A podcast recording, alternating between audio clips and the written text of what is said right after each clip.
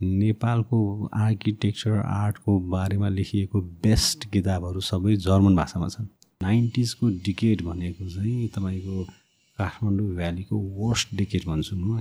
पुर्ख्यौली घर भत्काएर त्यसको ठाउँमा चाहिँ धरान घर ठडाउन थालेँ त माधव। मैले त्यो डिस्ट्रक्सन देख्नै नसकेर सहनै नसकेर नै म चाहिँ यो फिल्ममा हाम फाले यसो हेर्दा त झन्झटिलो।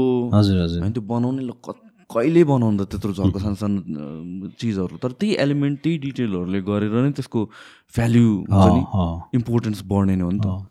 चार फुट बाई दुई फुटको ढुङ्गा हामीले पायौँ भने त्यसलाई चाहिँ हामी बाह्र लाखको बनाएर एक्सपोर्ट गर्छौँ। महिनामा एउटा मूर्ति एक्सपोर्ट गर्छु भने गभर्मेन्टले साथ दिने भने त म त दसवटा एक्सपोर्ट गर्छु नि। मलाई त्यो ढुङ्गा ल्याउने झन्झट छ। संसारभरि नै ह्यान्डिक्राफ्ट चाहिँ लोप हुँदै जाने स्थितिमा छ संसारभरिमै।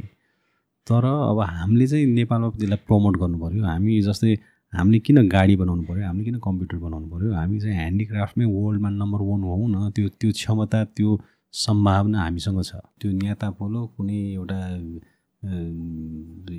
एक से एक धनी राष्ट्र मुलुकले बनाउने हो भने उनीहरूले त्यसमा घटीमा पनि दुई तिन सय आर्किटेक्ट इन्जिनियरहरूलाई इन्गेज गर्छन् जस्तो लाग्छ कि। त्यति चाहिँ नि उत्कृष्ट किसिमको चाहिँ इन्जिनियरिङ छ त्यसमा। जस्तो यही नै मूर्ति हो जुन चाहिँ हामी चाहिँ सातजना मान्छेले उचालेर माथि राखेको हो। कसरी चोरी हुन्छ भन्नुहोस् त यति यति घर त्यो काखी मुनि च्यापेर लाने त होइन यो त। तपाईँ आफै अनुमान लगाउनुहोस् को को मात्र मिल्या हुनुपर्छ। विगत पच्चिस वर्षमा भनौँ न मलाई सपोर्ट नगरे पनि मेरो बाटोमा तगारो मात्र नहाल्दा भए पनि मैले अति जहिले गरिरहेको छु त्यसको चाहिँ भन्दा कति गुणा धेरै काम गर्दै गर्थेँ। This episode is brought to you by the Physique Workshop the first gym chain in Nepal with branches all over Kathmandu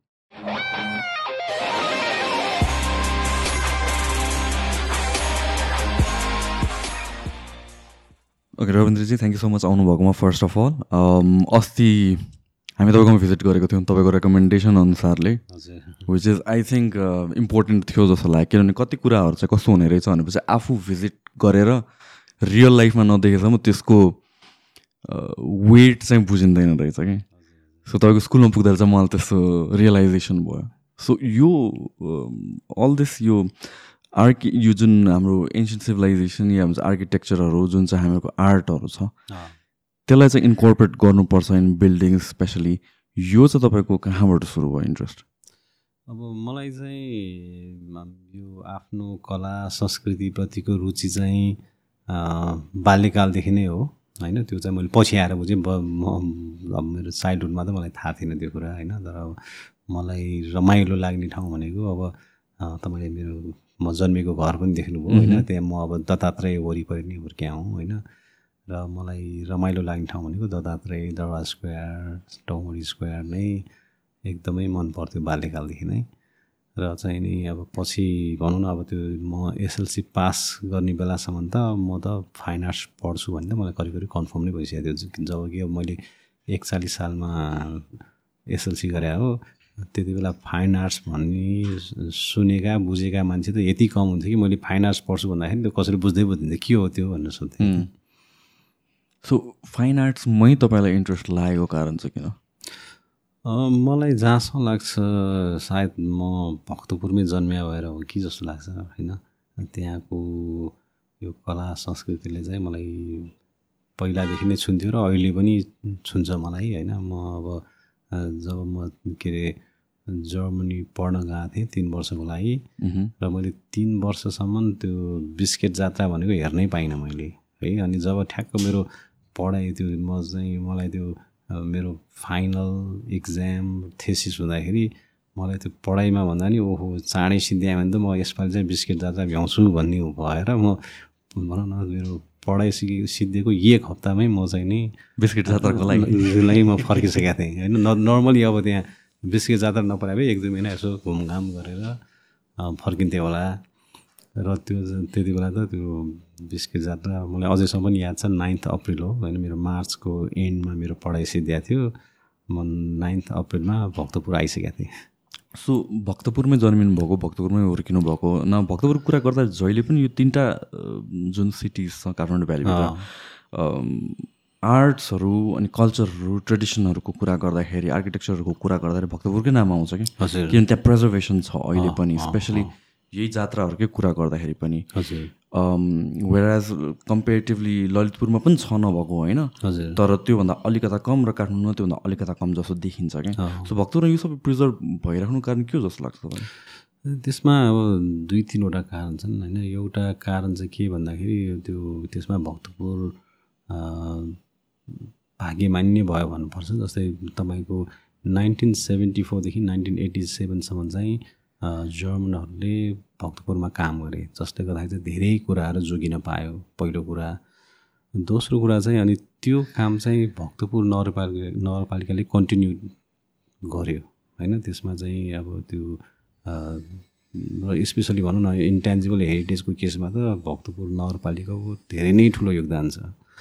र तर त्यो मात्र होइन कि अब भक्तपुर चाहिँ भनौँ न पन्ध्रौँ शताब्दीसम्म त काठमाडौँ उपत्यकाको राजधानी नै थियो। होइन पहिला त्यो भनौँ यक्षमल्ल पछि मात्रै चाहिँ काठमाडौँ उपत्यका टुक्रिएको हो। त्योभन्दा अगाडि त एउटै थियो र भक्तपुर राजधानी थियो। र त्यसदेखि बाहेक अब स्पिरिचुअली पनि हेर्ने हो भने पनि अब त्यो राजधानी भएको हुनाले हो कि अथवा के कारणले हो थाहा छैन। तर स्पिरिचुअली पनि भक्तपुरको एनर्जी चाहिँ एकदमै पोजिटिभ छ एकदमै पोजिटिभ छ। यो जुन तपाईँले भन्नुभयो जुन नगरपालिकाको पनि एकदमै ठुलो हात छ भन्नुभयो। सो मलाई पनि त्यस्तै लाग्छ यो कन्सियस एफर्ट हो जस्तो लाग्छ क्या टु प्रिजर्भ यो अल द हाम्रो हेरिटेजहरूदेखि लिएर सबै कुराहरू। किनभने एज ट्रेडिसन्स मोडर्नाइज हुँदै गएपछि हराउँदै गइन्छ है कहाँ कहाँ। सो रादर देन कसरी त्यसलाई लिएर जाने जुन चाहिँ मैले तपाईँकोमा अस्ति आउँदाखेरि मलाई फिल भयो किन it has a trust touch of modernisation पनि तर त्यो सँगसँगै तपाईँले चाहिँ जुन ट्रेडिसनल आर्किटेक्चरलाई कसरी फिट इन गर्ने त त्यो चाहिँ मैले त्यहाँ त्यहाँ चाहिँ देखेँ कि। सो यो जुन स्कुलको यो जुन तपाईँको होल प्रोजेक्टहरू छ त्यो स्टार्ट गर्नुभन्दा अगाडि पनि तपाईँ यहाँ आएर चाहिँ फर्स्ट थिङ भनेको चाहिँ नमुना घर नै तपाईँको पहिलो प्रोजेक्ट हो। हजुर सो त्यसको बारेमा एकचोटि एक्सप्लेन गरिदिनुहोस्। सो नमुना घर चाहिँ कहाँबाट सुरु भयो? होइन यो चाहिँ अब मैले अघि नै भनिहालेँ यो मेरो लागि चाहिँ मलाई कला संस्कृतिप्रति पहिलादेखि नै रुचि थियो। र म चाहिँ एसएलसी सिद्ध्याएपछि फाइन आर्ट्स पढ्न चाहन्थेँ तर मैले मेरो बुवाको रिक्वेस्टमा मैले ल पढ्नु पऱ्यो तर लकिली के भयो भन्दाखेरि लको सेकेन्ड इयरमा हुँदाखेरि चाहिँ दुई सिफ्ट भयो क्या मर्निङ र डे। र मैले चाहिँ त्यो बुवालाई पनि नबताइकन मर्निङ चाहिँ ल पढेँ अनि दिउँसो चाहिँ फाइन आर्ट्स पढ्न थालिहालेँ मैले। प्यारलली दुइटै सब्जेक्ट पढेँ। दुई वर्षसम्म त मेरो बुवाले थाहा पनि पाउनु भएन। अनि दुई वर्षपछि जब मैले घरमै बसेर मूर्तिहरू बनाउन थालेँ अनि त्यसपछि चाहिँ एकदम भनौँ न आश्चर्यचकित हुनुभयो बुवा। अनि त्यति बेला चाहिँ भने मैले भन्ने आँट पनि आयो किन भन्दाखेरि लमा मैले राम्रै गरिरहेको थिएँ। अनि त्यसपछि भनेपछि चाहिँ अनि अनि कसरी चाहिँ पढिरहेको थिइस् त भन्दाखेरि अब मैले त्यो पकेट मनी सेभ गरी गरिकन पढाएँ भनेपछि उहाँ पनि एकदमै हर्ष विभोर हुनुभयो र ल भन्नु पर्दैन थियो तैँले लाटा भन्दै अनि उहाँले चाहिँ मेरो दुइटै स्टडी फाइनेन्स गर्न थाल्नुभयो। र त्यसपछि अब भनौँ न म अलिकति अब एम्बिसियस हुँदै अब मलाई हिस्ट्रीमा पनि एकदमै इन्ट्रेस्ट मैले हिस्ट्री आइएल पास गर्ने बित्तिकै हिस्ट्रीमा बिए गर्न थालिहालेँ मैले प्राइभेटली। तिनटै पढ्न थालियो त्यसपछि चाहिँ तिनटै पढ्नुभएको एकैचोटि। त्यो मात्र होइन त्यो कस्तो हुँदो रहेछ भने त्यो म अलिकति अ, बच्चैदेखि नै एम्बिसियस थिएँ र मेरो एम्बिसनले फेरि तिनवटा त भयो यो म्यानेजमेन्ट पनि पढ्नु पऱ्यो भनेर चाहिँ अनि मैले शङ्करदेव क्याम्पस पनि जोइन गरेँ। चारवटा? म चाहिँ भनौँ नाइन्टिन नाइन्टी थ्रीमा त मैले चारवटा विषयमा ब्याचलर सिद्ध्याएर अनि म चाहिँ नि मूर्तिमा मास्टर्स गर्नुको लागि म चाहिँ जर्मनी गएको हुँ। र एक सेमेस्टर चाहिँ मैले मूर्तिकला पढेँ। अनि त्यसपछि चाहिँ नि मलाई के फिल भयो भने अब सिक्नुपर्ने कुरा सबै सिकिहाल्यो। त्यहाँको कन्सेप्ट त्यहाँको टेक्नोलोजी बुझिहाल्यो। अब प्र्याक्टिस गर्नलाई त किन जर्मनीमा टाइम वेस्ट गर्ने बरु अरू केही पढौँ भनेर मैले युनिभर्सिटीमा हेर्दाखेरि त्यहाँ डेभलपमेन्ट पोलिसी विकास नीति भन्ने सब्जेक्ट थियो। त्यो भर्खर सुरु भएको थियो र हाम्रो जस्तो विकास सन्मुख राष्ट्रहरूको विकास कसरी गर्ने भन्ने सब्जेक्ट भएको हुनाले मलाई त त्यो ढुङ्गा खोज्दाखेरि देउता मिले जस्तो भयो। किन भन्दाखेरि म विदेश जानु अगाडि नै मेरो एकदम क्लियर कट कुरा के थियो भने त्यहाँ गएर सिक्ने अनि फेरि आफ्नै देशमा आएर काम गर्ने हो भन्ने थियो। र मलाई त्यो एकदमै आइडियल स्टडी भयो र मैले एकदमै मिहिनेतै गरेर पढेँ। म एकजनामा त विदेशी विद्यार्थी थिएँ त्यो पढ्दाखेरि अरू सबै जर्मन हुनुहुन्थ्यो। अब त्यो जर्मन भाषामा जर्मन सिस्टममा पढिकन पनि मैले चाहिँ युनिभर्सिटी टप गरेँ। ओके जसले गर्दाखेरि एउटा फाइदा के भयो भन्दाखेरि त्यहाँ अब म एउटा देखाउने वस्तु बने भनौँ न युनिभर्सिटीको लागि अनि त्यसपछि उहाँहरूले चाहिँ एउटा प्रेस कन्फरेन्स नै आयोजना गरिदिनु भयो अनि त्यसको फाइदा के भयो त भन्दाखेरि जुन अब त्यति बेला जिटिजेड भन्ने थियो जर्मन टेक्निकल कोअपरेसन भनेको नेपालमा विकास सहयोग गर्ने जर्मन संस्था हो।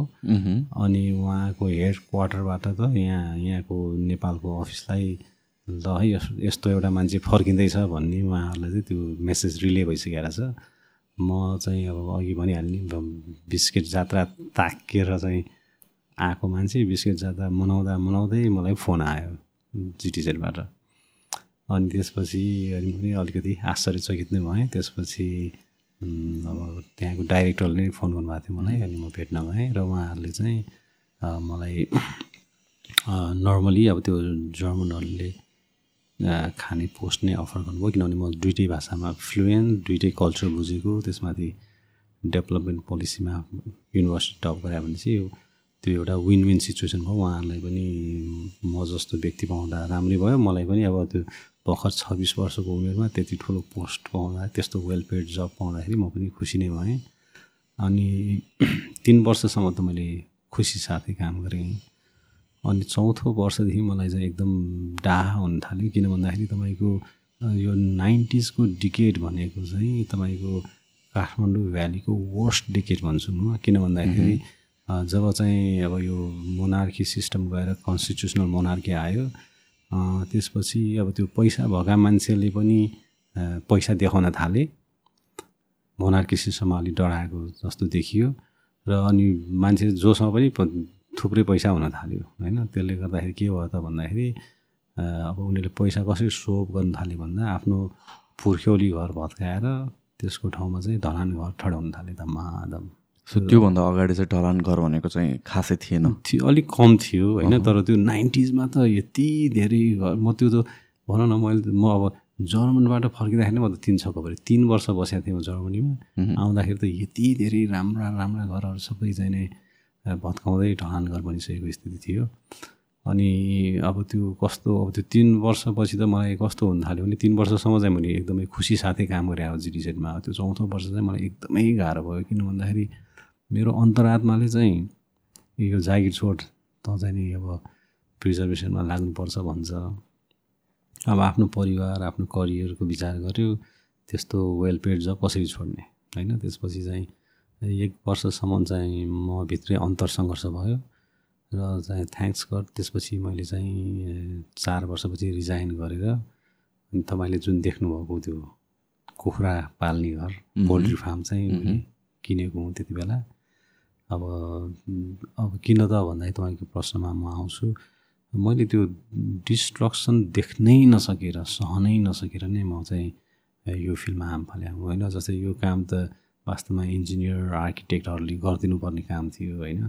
अब म न इन्जिनियर हुँ न मैले आर्किटेक्चर पढाएको हो होइन? म चाहिँ तर नपढे पनि के थियो भने म जस्तै म जर्मनी जानु अगाडि अथवा मैले ज वास्तवमा जर्मनी जाने चान्स पाएकै मैले पाटन म्युजियममा काम गरेर हो। मैले नाइन्टिन नाइन्टीदेखि नाइन्टी थ्रीसम्म चाहिँ मैले पाटन म्युजियममा काम गरेको हुँ त्यो रेस्टोरेसन प्रोजेक्टमा। म नाइन्टिन नाइन्टीमा छिर्दाखेरि चाहिँ म एकजना मूर्तिकार भएर छिरेँ आउँ त्यहाँ। तर नाइन्टी थ्रीमा निस्किँदासम्म निस्किँदाखेरि म एउटा चाहिँ भनौँ ट्रेडिसनल आर्किटेक्चर राम्ररी बुझेको एउटा आर्किटेक्ट भएर निस्केको थिएँ त्यहाँबाट। किन भन्दाखेरि मेरो बस चाहिँ एकजना अस्ट्रियन आर्किटेक्ट हुनुहुन्थ्यो।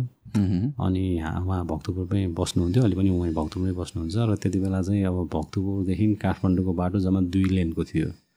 यति जाम हुन्थ्यो कि तपाईँको भक्तपुरबाट पाटन पुग्नै हामीलाई कहिले त तिन घन्टा लाग्थ्यो। अनि अनि he just hate it that होइन? अनि जाने भनेर हामीले प्लान बनायो पाटन भनेर अनि उहाँ म जस्तो डेली आउँथेँ अनि उहाँ जाने दिनमा चाहिँ अनि ए ल यो यो गर्नुपर्ने हो तैँले सक्छस् होला यो गर्छ सक्छस् भने म सक्छु भन्थेँ चाहिँ मैले सक्दिनँ कहिले पनि भने उहाँ जे जे काम गराउनु भयो मैले सक्छु नै भन्थेँ। अब भनौँ न म त अब आर्टिस्ट भएको हिसाबले त्यो ड्रइङ गर्नु भन्ने ठुलो कुरा नि थिएन। मैले बिस्तारै बिस्तारै अब त्यो मेरो आफ्नो इन्ट्रेस्टले गर्दाखेरि र उहाँको अल्छीपनाले गर्दाखेरि चाहिँ मैले धेरै नै सिक्ने मौका पाएँ त्यो तिन वर्षमा। धेरै नै बुझेँ अनि धेरै अध्ययन पनि गरेँ।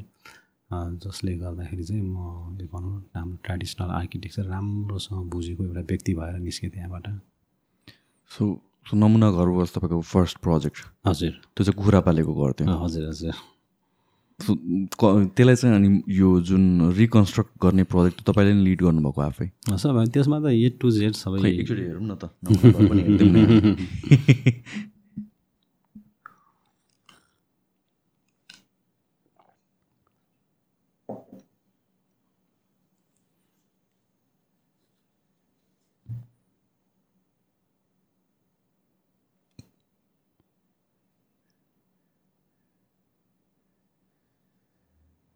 देखिरहेछ त्यसमा? त्यो क्यामरामा देखिरहेछ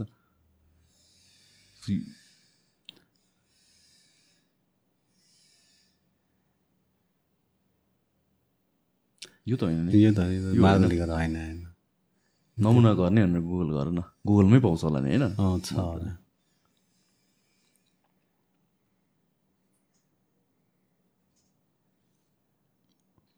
सो सो त्यो पहिला कस्तो थियो अरे? कुखुरा पाल्ने घर। काइन्ड थियो हजुर त्यो चाहिँ अब एउटा किसानकै घर थियो होइन? अनि त्यो पछि अरूले किनेपछि अनि उहाँहरूले चाहिँ मेन रोडमै एउटा चाहिँ ढलान घर बनाउनु भयो। उहाँलाई त्यो घर कम्फोर्टेबल हो। उहाँ चाहिँ उहाँहरूले त्यो घर छोडेर चाहिँ मेन घरमा बस्न जानुभयो अथवा मेन रोडमा।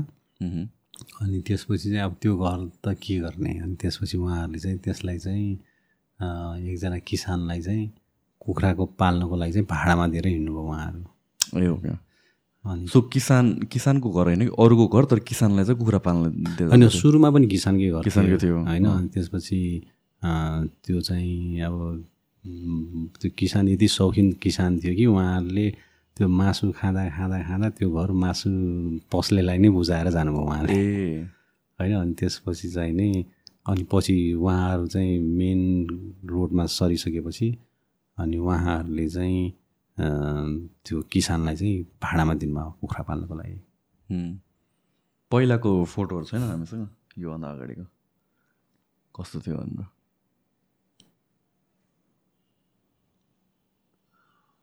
सो यसमा कतिको काम गर्नु पऱ्यो तपाईँले यसमा करिब करिब मैले डेढ वर्ष काम गरेँ।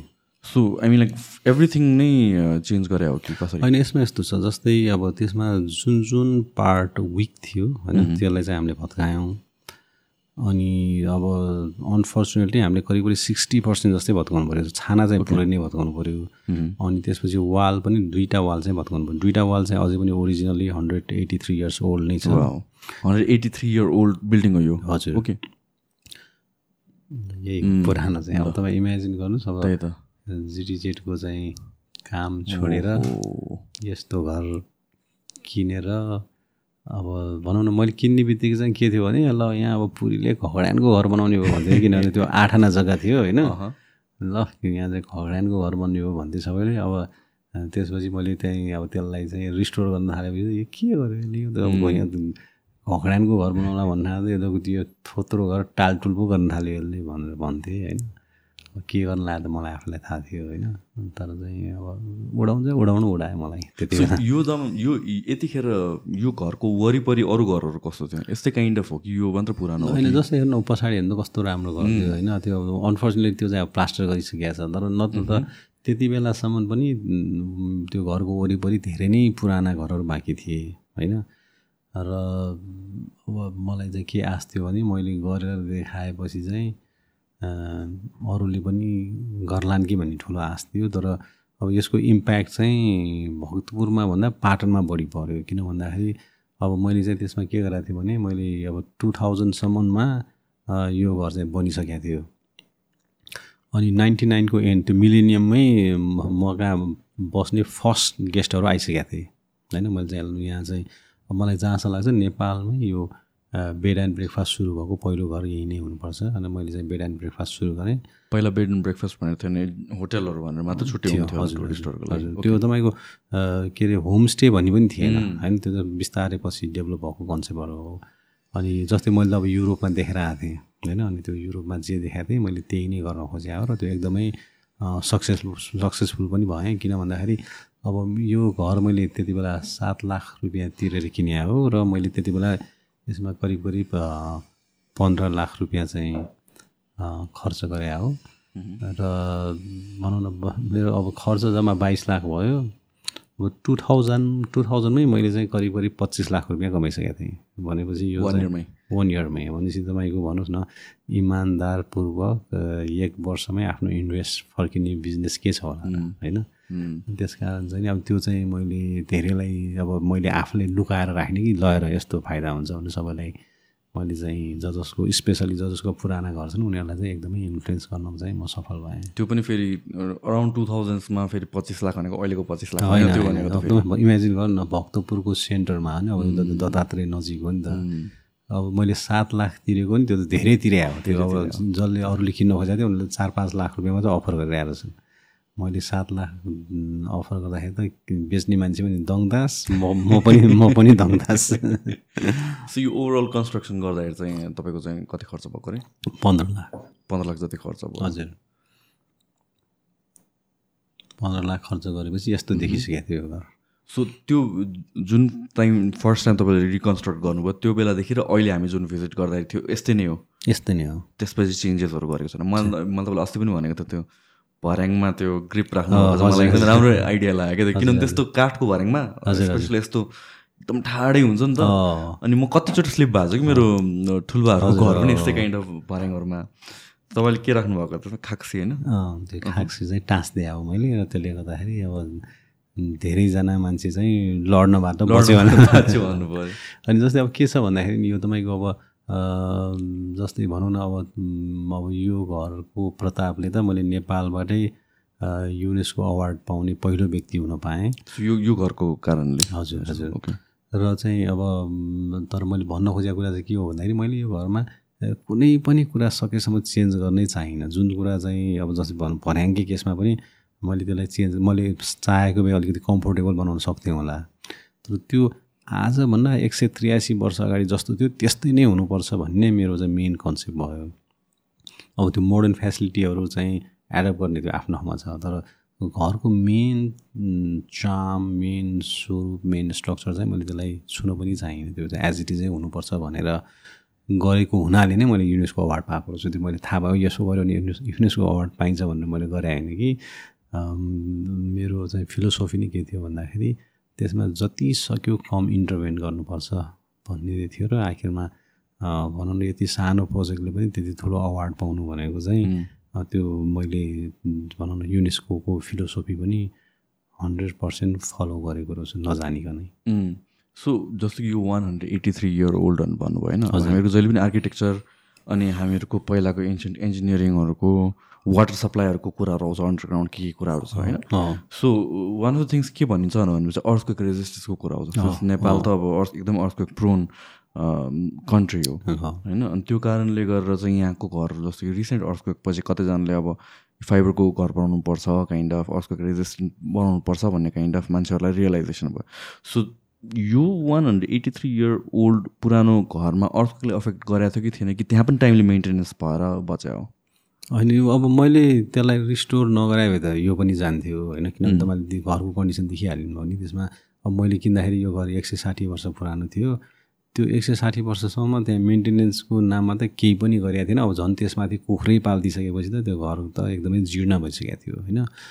मैले रिस्टोर गरे भएर नै त्यो घर चाहिँ केही पनि भएन। केही पनि भएन मात्र होइन कि। तपाईँको चाहिँ त्यहाँ त त्यो एउटा हेयर क्र्याक समेत पनि छैन त्यो जुन अस्ति पाँच सात वर्ष अगाडिको अर्थक्वेकमा तपाईँलाई जुन टु थाउजन्ड फिफ्टिन अथवा दुई हजार बहत्तर सालको भूकम्पको दिन म त्यही घरमा थिएँ। म जसरी मैले तपाईँलाई घर देखाउँदै थिएँ म अर्को पाहुनाहरूलाई त्यसरी नै घर देखाउँदै थिएँ। देखाउँदा देखाउँदै भूकम्प आयो र म म तर भूकम्प आउने बित्तिकै म के थाहा भयो भने यो त नर्मल होइन यो त अलि ठुलै भैँचाल जस्तो छ भन्ने बित्तिकै मलाई चाहिँ ठ्याक्क मेरो परिवारको याद आयो। मेरो परिवार चाहिँ त्यति बेला टोनी आँगन हाउसमा बस्नुहुन्थ्यो। अनि म त त्यो के अब त्यो गेस्टहरूलाई छोड्ला तपाईँहरू चाहिँ टेक केयर म त मेरो परिवार भाटा जानु पऱ्यो भनेर म त कुदिएर भैँचालमा आउँदा आउँदै म त कुदिएर चाहिँ यता टोनी आँगन हाउसमा पुगेँ। अनि अनि आफ्नो परिवारलाई सेक्योर ठाउँमा राखिसकेपछि अनि मलाई अब त्यो के भयो होला त्यो घर त भने म भनौँ म म आफैलाई पनि क्युरियोसिटी भयो। त्यसपछि चाहिँ आएर हेर्छु त तपाईँको तलदेखि माथिसम्म दोहोरै तेह्रै गएँ कहीँ केही भएको छैन। अनि भएको भने के त भन्दाखेरि त्यो तपाईँको घरको माथि त्यो छानामा कोपु भन्ने राखिन्छ होइन। त्यो त्यति पनि नखस्या भए त भैँचालोकै इज्जत जान्थ्यो होला। होइन। त्यति खस राखिदिएको। त्यो बाहेक केही पनि भएको छैन होला। त्यो त भनौँ मेरो लागि अहिलेसम्म पनि यो चाहिँ पजल नै हो। होइन कति राम्रो टेक्नोलोजी रहेछ तपाईँको। हल्लिन चाहिँ जहाज हल्ल्या जस्तै हल्ल्या हो। होइन? फेरि इन्ट्रेस्टिङ कुरा के छ भन्दाखेरि जस्तै अब त्यहाँको चाहिँ अब धेरै कुराहरू छन् यो टेक्नोलोजीको कुराहरू। अब तपाईँलाई सिम्पली बताउनु पर्दाखेरि।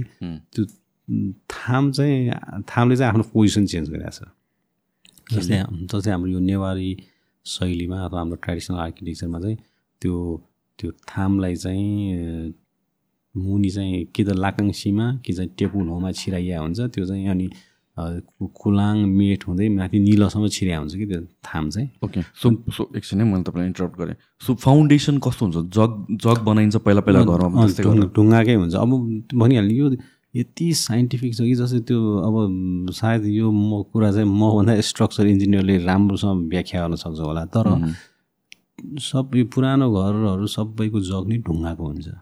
होइन? ढुङ्गाको हुनुमा विभिन्न कारणहरू छन् र त्यसमध्ये एउटा कारण चाहिँ भूकम्प पनि हो। होइन त्यो ढुङ्गाले चाहिँ त्यो जुन ढुङ्गा फ्रिक्सन भएर चाहिँ त्यसले चाहिँ तपाईँको त्यो जुन त्यो एनर्जीलाई चाहिँ उसले त्यो त्यो ढुङ्गाले चाहिँ न्युट्रलाइज गर्छ त्यो. थोरै भन् भनौँ न त्यो माथि चाहिँ धेरै इफेक्ट नहोस् भनेर त्यो ढुङ्गाले चाहिँ तलै नै त्यो त्यो एनर्जीलाई अब्जर्भ गरिसकेको हुन्छ। ओके। होइन? त्यो एउटा कुरा हो। अनि मैले अघि त्यो भन्दै थिएँ थाम त्यो थामहरूको फिटिङ चाहिँ लुज फिटिङ हुन्छ कि? त्यो अब भनौँ वेटले गर्दाखेरि लुज फिटिङ भयो नि एकदम बलियो भएर बसिहाल्छ होइन? तर त्यो लुज फिटिङको महत्त्व चाहिँ भूकम्पमा आउँदो रहेछ कि? तिनीहरू चाहिँ भनौँ न भूकम्पसँगै हल्लिदिने अनि ब- भनौँ न अलिकति पोजिसनै चेन्ज हुन्छ थामहरूको तपाईँको भूकम्पपछि। त्यो मैले आफैले देखेकै कुरा हो। त्यसले गर्दाखेरि के भयो भन्दाखेरि अब भूकम्पसँगै हल्लियो तर चाहिँ भनौँ न उठेर बस्यो त्यो भए। बाँचिन्छ बाँचिन्थ्यो हो। होइन? त्यो चाहिँ नि अब एकदमै अब भनौँ अब त्यस्ता चाहिँ अब त्यो चुकुलमा पनि त्यस्तै छ होइन? नसहरूमा हरेक त्यो अब हेर्दाखेरि सिम्पल साधारण देखिन्छ तर त्यो त्यसको महत्त्व त भूकम्पमै मात्र देखिन्छ। त्यो चुकुल जस्तै तपाईँको भनौँ न अब त्यो जस्तै त्यो अब म- कहाँ चाहिँ आर्किटेक्चर इन्जिनियरका स्टुडेन्टहरू आउँदाखेरि चाहिँ म मजाले चाहिँ उनीहरूलाई बताउ बताउने गर्छु देखाइदेखाइकन अब तपाईँलाई बुझ्नको लागि अलिकति भनिदिन्छु जस्तै त्यो तपाईँको के अरे त्यो चकु भन्ने हुन्छ होइन? अनि त्यो अब भनौँ सिङ्गै घरलाई पु त्यो छाना मुनि छानालाई अड्याउनलाई राखिन्छ त्यो चाहिँ मुसीको मुनि बसिया हुन्छ होइन? अनि त्यो त त्यति लामो त हुँदैन त्यो। अनि त्यसलाई जोड्नुपर्छ कि। त्यो जोड्ने टेक्नोलोजी यति गजबको छ कि तपाईँको चाहिँ त्यो यस्तो मुभमेन्ट भए पनि केही नहुने अनि तल माथिको मुभमेन्ट भए पनि केही नहुने हुन्छ कि त्यो। अब मलाई अचम्म के लाग्थ्यो भैँचाला आयो भने त यसरी पो आउने हो त। त्यो तल माथि त हुँदैन किन यस्तो गरे होला भन्दाखेरि तर त्यही बहत्तर सालमै देखियो। यो त्यो पराकम्प आउँदाखेरि कुनै कुनै पराकम्प त तल माथि पनि आउँदो रहेछ। होइन? अब यदि त्यो किसिमले नबनाइया हो त त्यो चकु चाहिँ छुट्टिन्थ्यो सो यो होल टेक्नोलोजी त over period of time consciously नै बनाएको not because of lack of टेक्नोलोजीको कारणले हलिने होइन कि त्यो त हलिनु पर्छ नै भनेर बनाएको भने कन्सियसली अनि त्यो त जस्तै अब मैले भनौँ न तपाईँको अब विगत पच्चिस वर्षमा मैले तेह्रौँदेखि बिसौँ शताब्दीका घरहरूको आन्द्रा भुँडी चाहिँ देख्ने मौका पाएँ मैले होइन? त्यसमा एउटा क्लियर कट कुरा के छ भन्दाखेरि अब तपाईँ तेह्रौँ शताब्दीदेखि नै हेर्दै आउने हो भने अब अब एउटा महा हामी कहाँ त प्रत्येक सेन्चुरीमा महाभूकम्प आउँछ भन्ने कुरा त प्रमाणित नै भइसकेको कुरा हो। अब एउटा महाभूकम्प आउँछ त्यसमा सर्टेन विकनेसेसहरू देखिन्छ त्यसलाई इम्प्रुभ गरिन्छ फेरि अर्को महाभूकम्प आउँछ फेरि त्यसमा सर्टेन विकनेसेसहरू देखिन्छ फेरि त्यसलाई इम्प्रुभ गरिन्छ। अनि त्यो भनेको के हो त भन्दाखेरि त्यो घरलाई झन् झन् फ्लेक्सिबल बनाउँदै लगिया छ। रिजिड होइन कि? अब हाम्रा चाहिँ पुर्खाहरूले के बुझिसक्नु भएको थियो भने भैँचालोसँग फुर्ती देखाउने होइन। भैँचालोसँग त हल्लिदिने हो भन्ने कुरा उहाँहरूले मजाले बुझेरै त्यो घरमा चाहिँ त्यसलाई चाहिँ भनौँ न फ्लेक्सिबल बनाउने अथवा त्यसलाई चाहिँ राम्रोसँग टाई गर्ने होइन। अब त्यो जुन अब आजकल टाइबिमको कुरा आउँछ अब हाम्रो नस भनेकै वास्तवमा टाइबिम नै हो। होइन त्यो त हाम्रो सयौँ वर्ष अगाडिदेखि नै हामीले चाहिँ प्रयोग गर्दै आएको कुरा रहेछ किन किन त भन्दाखेरि त्यही भूकम्प आउँछ भनेर नै हो। सो यो जुन भनौँ न इन्जिनियरिङ नै त हो नि त पहिलाको एन्सियन्ट इन्जिनियरिङ यसको डकुमेन्टेसन छ कि छैन प्रपर अझै पनि अब त्यो प्रपर हुन सकेको छैन भन्छु म किन भन्दाखेरि अब मैले सुरु गर्दाखेरि त अब त्यो राम्रा किताबहरू नै पाइँदैन थिएँ होइन दुई चारजना राम्रा विदेशीहरूले लेखिएको किताबहरू नै मेरो लागि चाहिँ बेसको रूपमा चाहिँ भयो होइन? त्यसपछि चाहिँ अब अनि त्यसपछि अब नि बिस्तारै बिस्तारै अब इन्जिनियरिङ आर्किटेक्चरका प्रोफेसरहरू र स्टुडेन्टहरूले अलिकति चाख दिएर चाहिँ एक दुईवटा रिसर्चहरू गरिएका उदाहरणहरू पनि छन्। अब हामी म र अब मैले भनौँ न फाउन्डेसन गठन गरिसकेको हामी एकदमै इन्स्टिट्युसनलाइज नै भइसकेका छौँ र हामीले धेरै नै रिसर्चहरू पनि गरिसकेका छौँ डकुमेन्टेसनहरू पनि गरिराखेकै छौँ होइन? तर अनफोर्चुनेटली हामीले त्यसलाई चाहिँ किताबको रूपमा बाहिर ल्याइसकेका छैनौँ। अब त्यही हो। अब तपाईँले देखिहाल्नु हामीले दसतिर हात हालेर काम गरिरहेको छौँ। त्यो अब किताब लेख्ने चाहिँ हाम्रो प्रायोरिटीमा परिसकेको छैन तर पाइपलाइनमा चाहिँ छ। हामीले प्रिपेरेसन चाहिँ गरिसकेका छौँ। किन भन्दाखेरि हामीले त यस्तो एउटा चाहिँ ह्यान्डबुक बनाउँदैछौँ कि कुनै पनि नेपालीले जस्तै यो अब नेवारी शैली मात्र होइन कि हाम्रो हाम्रो त अहिले नेपालभरिका आठवटा शैलीहरूलाई हामीले चाहिँ डकुमेन्टेसन गरिसकेको छ। र हामी यस्तो ह्यान्डबुक बनाउँछौँ कि कुनै पनि लेम्यानले पनि मजाले चाहिँ बनाउन सकोस् हाम्रो त्यो किताब हेरी हेरिकन घर बनाउन सकोस् भन्ने किसिमले चाहिँ हामी तयारी गर्दैछौँ। अब त त्यो आउनलाई चाहिँ अलिक टाइम नै लाग्छ। सो यो जुन यो अब अर्थको रेजिस्टेन्ट इन्जिनियरिङ जुन भन्नु हिसाबले स्ट्राटेजी या टेक्निकहरू छ यिनीहरू चाहिँ generations by generation pass down हुँदाखेरि कसरी ब्रेक भयो जस्तो लाग्छ? अनि यस्तो छ जस्तै अब पहिला पहिला चाहिँ अब भनौँ न अब त्यति बेलाका सिकर्मी डकर डकर्मीहरू नै एक किसिमको आर्किटेक्टहरू नै उहाँ नै हुनुहुन्थ्यो। एकदमै पोख्त पोख्त। तपाईँ हेर्नुहोस् न तपाईँको त्यो न्याता पोलो बनेको देख्दाखेरि त बा बा अब अहिले अहिले भनौँ न त्यो न्याता पोलो कुनै एउटा एक से एक धनी राष्ट्र मुलुकले बनाउने हो भने उनीहरूले त्यसमा घटीमा पनि दुई तिन सय आर्किटेक्ट इन्जिनियरहरूलाई इन्गेज गर्छन् जस्तो लाग्छ कि त्यति चाहिँ नि उत्कृष्ट किसिमको चाहिँ इन्जिनियरिङ छ त्यसमा होइन?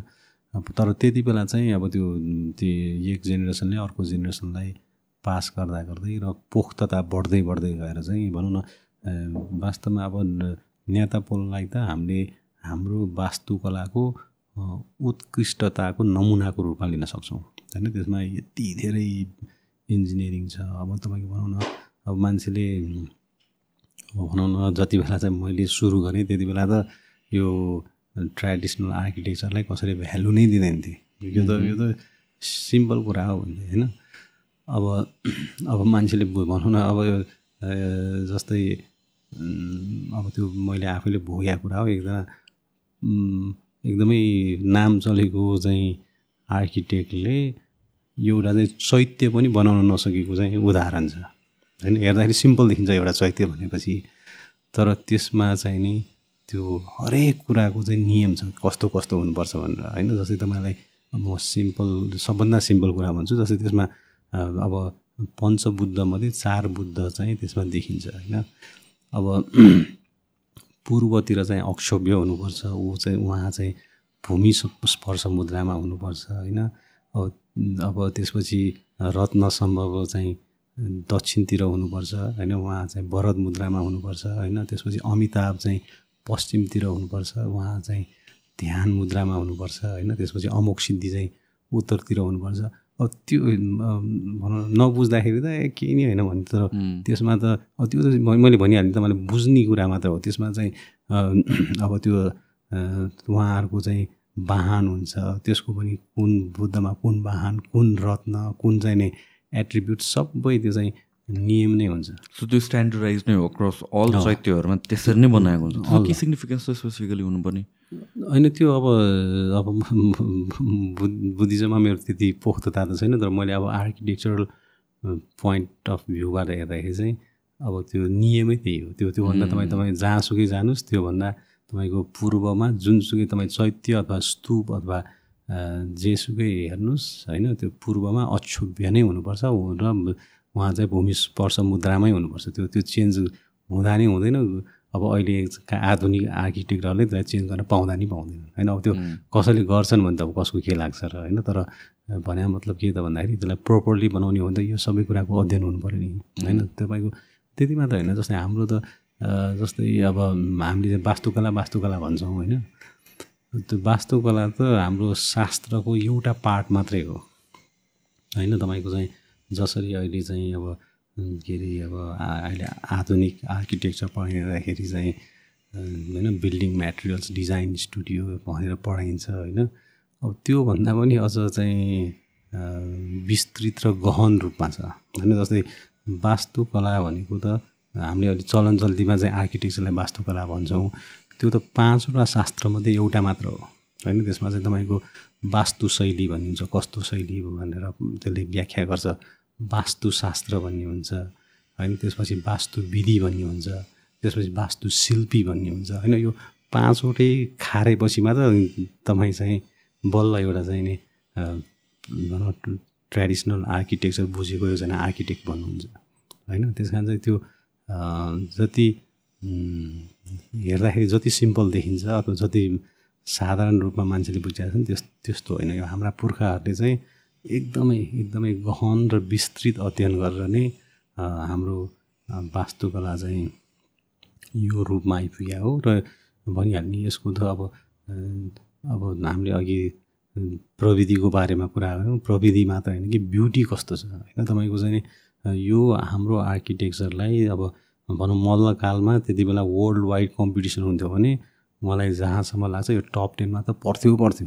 वर्ल्ड वाइड र टेनमा परेन भने ट्वेन्टीमा त पर्थ्यो पर्थ्यो अब मलाई जहाँसम्म लाग्छ टप टेनमै पर्थ्यो।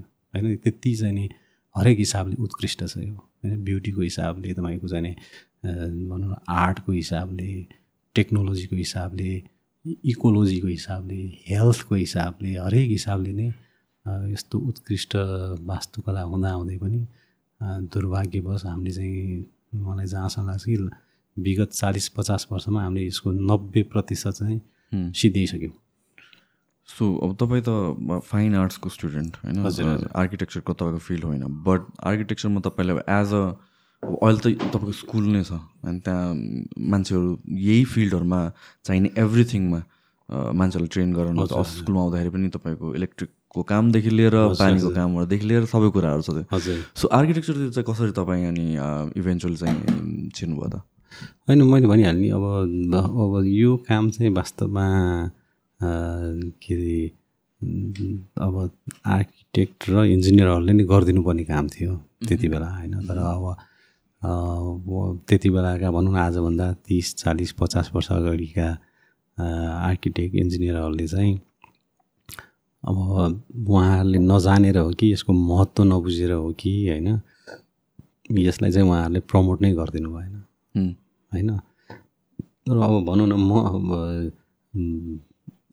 म यदि अरू कसैले गर्दा भए त मैले त्यस्तो चाहिँ सरी वेल पेड जब छोडेर यसमा हाम फाल्नै पर्दैन थियो। म त सहनै नसकेर सहनै नसकेर अब मैले के गरिनँ भने त बर्बादै छ। म जस्तै अब मैले भनिहालेँ अब त्यो मेरो दिमागमा जे थियो त्यो कुरा त सफल भयो। नि मैले चाहिँ यसरी एउटा पुरानो घरलाई चाहिँ रिस्टोर गरेर मेरो त प्यासन थियो मेरो त त्यो आर्किटेक्चरप्रति माया थियो होइन? तर मैले चाहिँ यसबाट पैसा पनि मजाले कमाउन सकिन्छ भने मैले देखाउन सकेँ भने त यो बच्छ भन्ने हिसाबले नै मैले चाहिँ त्यो देखाएको हुँ। होइन र अब त्यो सफल पनि भयो तपाईँको त भन्यो। त्यसपछि त अब बेड एन्ड ब्रेकफास्ट त कति खुले खुले त्यसपछि। तपाईँको स्कुलको पनि यो इन्ट्रेस्टिङ मलाई त्यहाँ त्यहाँको भाइब नै त्यहाँ मात्र रियलाइज हुन्छ कि के छ भनेर त्यो सिलिङहरूदेखि लिएर जुन यो क्युबिकलको सानो सानो डिटेलहरू छ एभ्रिथिङमा अरू पनि पिक्चरहरू हेर्नु त। यो त्यो चाहे इटा युज गरेको भनौँ एभ्रिथिङ त्यसले त्यो इन्भाइरोमेन्ट कन्स्ट्रक्ट गराएको छ कि। हजुर। मैले चाहिँ अब यहाँ चाहिँ के देखाउन खोजेँ भन्दाखेरि ए बाबा अफिस पनि हाम्रो नेपाली शैलीमा बनाउन सकिन्छ। होइन यो चाहिँ अब टिम अफिस हो यो। होइन टिम अफिस पनि नेपाली शैलीमा बनाउन सकिन्छ भनेर मैले चाहिँ एउटा उदाहरण देखाउन खोजेँ हो र अब थ्याङ्क्स गर अब यो मैले मलाई खुसी के छ भन्दाखेरि मैले चाहिँ जे पनि कुरा चाहिँ अलिकति सोचेर यो भनौँ मोडल धेरै जसो कुरा म नमुनाकै रूपमा गर्न खोज्छु। र त्यो चाहिँ थ्याङ्क्स गर त्यो चाहिँ धमाधम कपी पनि हुँदै जान्छ होइन?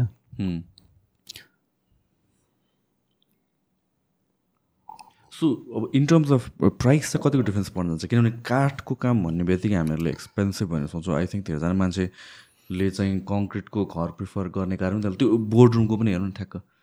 राइट टप टप त्यसको माथि त्यसको माथि? ऊ बिचको। त्यसको माथि ठ्याक्क। मा ठ्याक्क माथि त्यसको। ए मिटिङ मिटिङ रुम भन्नु राइट होइन होइन यो होइन यो होइन यो होइन। यो होइन प्रति त्यसको छेउको अँ यो। एभ्रिथिङमा त्यो सिमिलर प्याटर्न छ कि लाइक वुडवर्कहरू अन्त त्यो सी फल सिरीको कुराहरू र लाइटको पनि मैले ठ्याक्कै याद गरेको छ। डिरेक्ट लाइट कोही पनि छैन। सबै रिफ्लेक्ट भएको छ कि सो त्यो इन्भाइरोमेन्ट त्यो लाइट पनि हार्स कोही पनि छैन त्यस्तो। हजुर हजुर। होइन जस्तै अब यो मैले अब मलाई जे फिल हुन्छ त्यही गरे हो होइन। तर मलाई चाहिँ कुनै पनि ठाउँमा त्यो आँखामा बत्ती पऱ्यो भने त्यो मलाई आँखा नै बित्छ होइन। त्यस कारण चाहिँ बत्ती भने डाइरेक्ट आँखामा पर्नु हुँदैन भन्ने हिसाबले नै मेरो लाइटिङ सिस्टम चाहिँ त्यही किसिमले चाहिने छ र अब अब तपाईँहरू जस्ता मान्छेहरू सबैले चाहिँ मन पराउँछन् रुचाइदिन्छन् होइन? सो प्राइसिङ वाइज चाहिँ कतिको फरक पर्ने ट्रेडिसनल स्टाइलमा जस्तै अब भनौँ न अब अब हामी नेपालमा अझै पनि भाग्यमानी छौँ भन्नुपर्छ। किन भन्दाखेरि अब युरोप अमेरिकातिर रिस्टोर गर्नु भनेको त त्यो नयाँ घर बनाउनु भन्दा टु थ्री टाइम्स नै एक्सपेन्सिभ पर्छ होइन? तर हामी कहाँ चाहिँ अझै पनि ज्याला सस्तो भएको कारणले गर्दाखेरि नयाँ घर बनाउनुभन्दा रिस्टोर गर्नु त तपाईँको हाफ मूल्यमा बन्छ त्यो होइन? अब त्यो कस्तो गजबको कुरा छ भन्दाखेरि तपाईँको हाफ मूल्यमा त्यो घर रिस्टोर पनि हुन्छ। अब अर्थक्विक रेसिस्ट हुन्छ भन्ने प्रमाण त तपाईँको नमुना घरले दिइ नै सकेको छ। त्यो नमुना घर मात्र होइन तपाईँको अब तपाईँले टोनी आगन हाउस पनि देख्नुभयो होइन? भनौँ हामीले बनाएका कुनै पनि घरमा केही पनि भएन होइन? त्यस कारण चाहिँ it's already a proven technology होइन?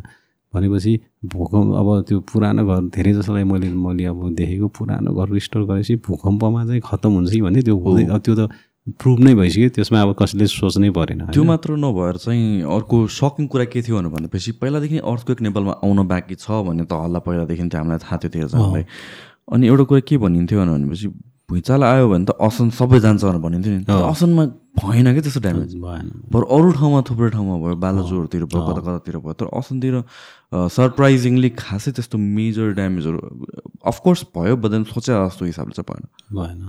होइन अब त्यो जस्तै एक त अब पुरानो घरहरू अर्थक्विक रेसिस नै हुन्छन् पहिलो कुरा।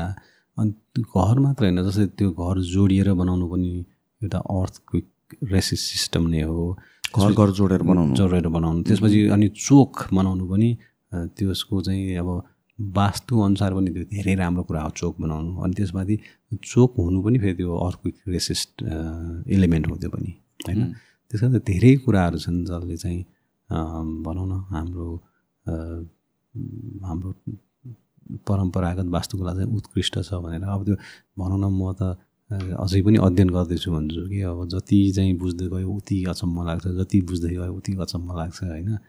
अब जस्तै अब तपाईँलाई अब जस्तै हाम्रो झिङ्गटीहरू चाहिँ त्यो जस्तै अहिले अहिले नयाँ झिङ्गटी पनि आउनु थालेको छ नि त्यो चाहिँ? झिङ्गटी भनेको त्यो तपाईँको छानामा राख्ने टायल टायल भन्दाखेरि बुझ्छन् झिङ्गटी भन्दा बुझ्दैनन् है। अनि त्यो जेनेरेसनमा तपाईँ पनि पर्नुभएछ। एकदमै अनि त्यो चाहिँ त्यो फुल बर्न हुँदैन कि त्यो? कि चाहिँ फिफ्टी पर्सेन्ट बर्न हुन्छ कि सेभेन्टी फाइभ पर्सेन्ट बर्न हुन्छ? अनि त्यसपछि अब इँटाहरू चाहिँ हन्ड्रेड पर्सेन्ट बर्न हुने झिङ्गुरी चाहिँ किन नगरे होला? अनि मलाई जहिले पनि क्युरियोसिटी भइरहन्थ्यो होइन?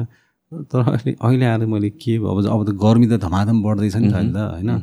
तपाईँको त्यो कस्तो हुँदो रहेछ भन्दाखेरि त्यो झिङ्गटीले चाहिँ पानी सोच्दो रहेछ। सोच्ने भनेर एकदमै चुइनी गरेर सोच्ने होइन कि? त्यसले पानी सोचेर त्यो माटोलाई दिँदो रहेछ। माटो फेरि चार पाँच झारा हुन्छ। अनि त्यसपछि तपाईँको त्यो त एयर कन्डिसन जस्तो हुँदो रहेछ तपाईँको छाना त। होइन तपाईँको पानी परेपछि पानी पर्नु अगाडि चाहिँ त्यो एकदमै भनौँ न अब हाम्रो परम्परागत शैलीको भुइँगल चाहिँ अलि गर्मी नै किन हुन्छ भने एक त हाइट हुँदैन। होइन? अनि त्यसमाथि चाहिँ नि अब त्यो टपमा भएर चाहिँ घामै मात्र लगाइरहेको बेला चाहिँ एकदमै गर्मी नै हुन्छ। तर एक राउन्ड पानी परेपछि त त्यो त पुरै एयर कन्डिसन सो पानी चुइनेहरू जस्तो हुन्छ हुँदैन हुँदैन त्यो एकदम भन्दा मैले भनिहालेँ कस्तो कस्तो मजाको टेक्नोलोजी के त्यो? त्यसले पानी सोसेर ठ्याक्क राख्ने होइन? तर चुइन चाहिँ नचुइने होइन? त्यसले गर्दा तर अब त्यो त्यो भनौँ बुइगेललाई चाहिँ यस्तो शीतल बनाइदिँदो रहेछ कि होइन? त्यो चाहिँ अब मैले भनौँ न बिस्तारै अब बुझ्ने क्रममा हालसालै यो जब गर्मी एकदमै गर्मी हुन थालिसकेपछि बुझेको कुरा यो पानी परेपछि त तपाईँ बुइगलमा बस्नु जतिको मजा त कहीँ हुँदै हुँदैन। अनि जाडोको बेलामा चाहिँ कस्तो हुन्छ जाडोको बेलामा न्यानो फेरि। अब त्यो कस्तो हुन्छ त भन्दाखेरि अब तपाईँको भित्रको टेम्परेचर चाहिँ कन्सट्यान्ट भएर बसिया हुन्छ त्यो भनौँ न अब वाल वाल नै अब बाइस चौबिस अठार इन्चीको वाल हुन्छ होइन? अनि त्यसपछि चाहिँ नि युज भएका मेटेरियलहरू सबै नेचुरल हुन्छन् इटा। वाल नै चौबिस इन्चको? तर पिलरकै साइजको जस्तो भयो ग्राउन्ड फ्लोरको वास वाल त चौबिस अथवा अब हामीले बनाउँदाखेरि चाहिँ बाइस इन्चको बनाउँछौँ होइन? तर पुरानो पुरानो घरमा चौबिस इन्चसम्मको वाल पाइन्छ तपाईँको छिडीमा अथवा ग्राउन्ड फ्लोरलाई छिडी भनिन्छ होइन? अनि त्यसपछि चाहिँ नि त्यो त्यसले गर्दाखेरि चाहिँ अब त्यो बाहिरको टेम्परेचर र भित्रको टेम्परेचर चाहिँ फरक भइहाल्छ। भित्रको चाहिँ कन्सट्यान्ट भएर बसिया हुन्छ अनि बाहिर गर्मी हुँदाखेरि चाहिँ भित्र शीतल फिल हुन्छ अनि बाहिर जाडो हुँदाखेरि चाहिँ न्यानो फिल हुन्छ। त्यो किन भन्दा त्यो टेम्परेचर चाहिँ त्यो राम्रो इन्सुलेसन भएर कन्सट्यान्ट भएर बस्या हुनाले त्यस्तो हुने हो त्यो।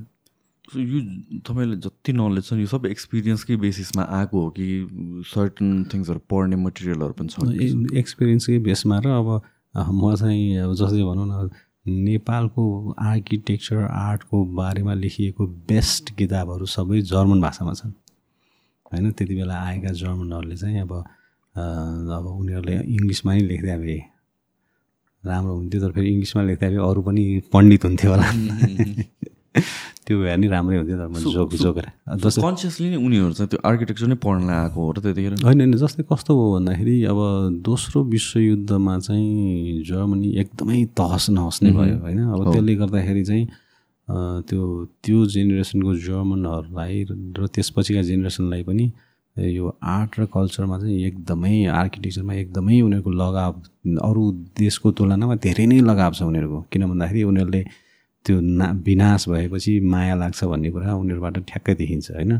र उनीहरूले चाहिँ अब त्यसैले गर्दाखेरि अब हाम्रो देशमा आइसकेपछि त अब हाम्रो भनौँ न हाम्रो कल्चरमा हाम्रो आर्किटेक्चरमा आर्टमा त यति धेरै डिपनेसहरू छ त्यो चाहिँ त्यो त्यति बेला पनि उनीहरूका थिएन त्यो। उनीहरूका आर्क राम्रो आर्किटेक्चर थियो होला होइन?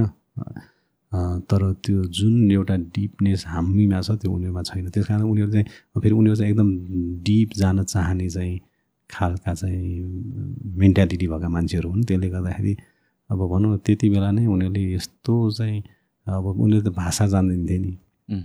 होइन अब त्यति बेलाका हाम्रा चाहिँ आर्किटेक्ट इन्जिनियरहरूले यसमा रुचि राखेर चाहिँ उहाँहरूले जुन किसिमले रिसर्च गर्नुभएको थियो त्यो गरिदिनु भएको थियो त्यो जर्मनहरूले गरेको भन्दा नेपालीहरूले गरेको त कति गुणा राम्रो हुन्थ्यो। किनभने त्यो त्यो भाषाले अथवा त्यहाँको रहन सहन कल्चर सबै बुझ्या हुन्थ्यो। त्यसले गर्दाखेरि धेरै नै राम्रो हुन्थ्यो होला। अब तर अनफर्चुनेटली अब त्यो कसैले गर्दैनन् त्यति बेला। तर तर अब अहिले चाहिँ भनौँ न खुसीको कुरा के छ भन्दाखेरि यो अलिकति धमाधम भनौँ न हाम्रो हाम्रा नेपाली दाजुभाइ दिदीबहिनीहरूको चाहिँ हाम्रो आर्ट आर्किटेक्चर कल्चरमा चाहिँ इन्ट्रेस्ट बढ्दो छ त्यो चाहिँ एकदमै खुसीको कुरा हो। र स्पेसली तपाईँको जुन स्कुल छ हजुर। स्कुलको पनि एकदमै ठुलो इम्पोर्टेन्स छ स्पेसली ट्रेनिङ यो कसरी पास डाउन गर्ने अरू मान्छेहरूलाई स्किल वाइज हजुर। अनि सो यो स्कुल खोल्नुको चाहिँ रिजन वाज लाइक मान्छेहरू बेसी इन्ट्रेस्ट भएर नै हो कि कि कहाँबाट आयो यो स्कुलको प्लान चाहिँ? अनि यो कस्तो भयो भन्दाखेरि अब मैले टु थाउजन्डमा चाहिँ नमुना घर बनाइसकेको थिएँ। अनि अब त्यो नमुना घरको प्रचारले नै अलिकति मान्छेहरूमा चाहिँ रुचिहरू बढ्दै गयो। अनि टु थाउजन्ड फोरमा चाहिँ मैले अब युनेस्को अवार्ड पाएपछि चाहिँ मेरो प्रचार प्रसार एकदमै धेरै भयो। त्यो म कहिले काहीँ म आवश्यकताभन्दा बढी कि जस्तो लाग्छ किन भन्दाखेरि अब त्यो हुन त अब नेपालबाटै युनेस्को अवार्ड पाउने पहिलो व्यक्ति हुनु पनि अब त्यो त सायद अलि ठुलै कुरा थियो होला होइन? अनि त्यसले गर्दाखेरि चाहिँ अब जुन त्यति बेला चाहिँ के देखियो भन्दाखेरि टुरिज्म फिल्डमा लाग्नुभएका हाम्रा नेपाली दाजुभाइ दिदीबहिनीहरूलाई चाहिँ यो भनौँ ट्रेडिसनल आर्किटेक्चर चाहिँ भनौँ टुरिस्टहरूले चाहना गर्ने नै यही हो भन्ने उहाँहरूले बुझ्नु भएको थियो र अनि उहाँहरूको चाहिँ ताती लाग्न थाल्यो मगा। होइन त्यसपछि त अब मलाई त भनिहाल्ने अब त्यो कति काम कति काम थियो। अब त्यो अब म मलाई त कस्तो हुन थाल्यो भने सुरु सुरुमा त सुई सुई सुई गरेँ पछि अब त्यो डिमान्ड बढ्दै गएपछि अब कसरी चाहिँ स्टप गर्ने भन्दाखेरि मैले भाउ बढाउँदै गएँ कि। अब तर जति भाउ बढाउँदै गए पनि उहाँले तिर्नमा चाहिँ कुनै ऊ नै गर्नु भएन। मैले अघि नै भनिहालेँ नि त्यो अब त्यो जति इन्भेस्ट गरे पनि त्यो रिटर्न त छिटै भइहाल्थ्यो। अनि त्यसले गर्दाखेरि चाहिँ अब यो डिमान्ड बढ्दै गएपछि अब मैले अब नमुना घर बनाएदेखि नै अब एक दुईवटा काम चाहिँ पाउन थालिसकेको थिएँ।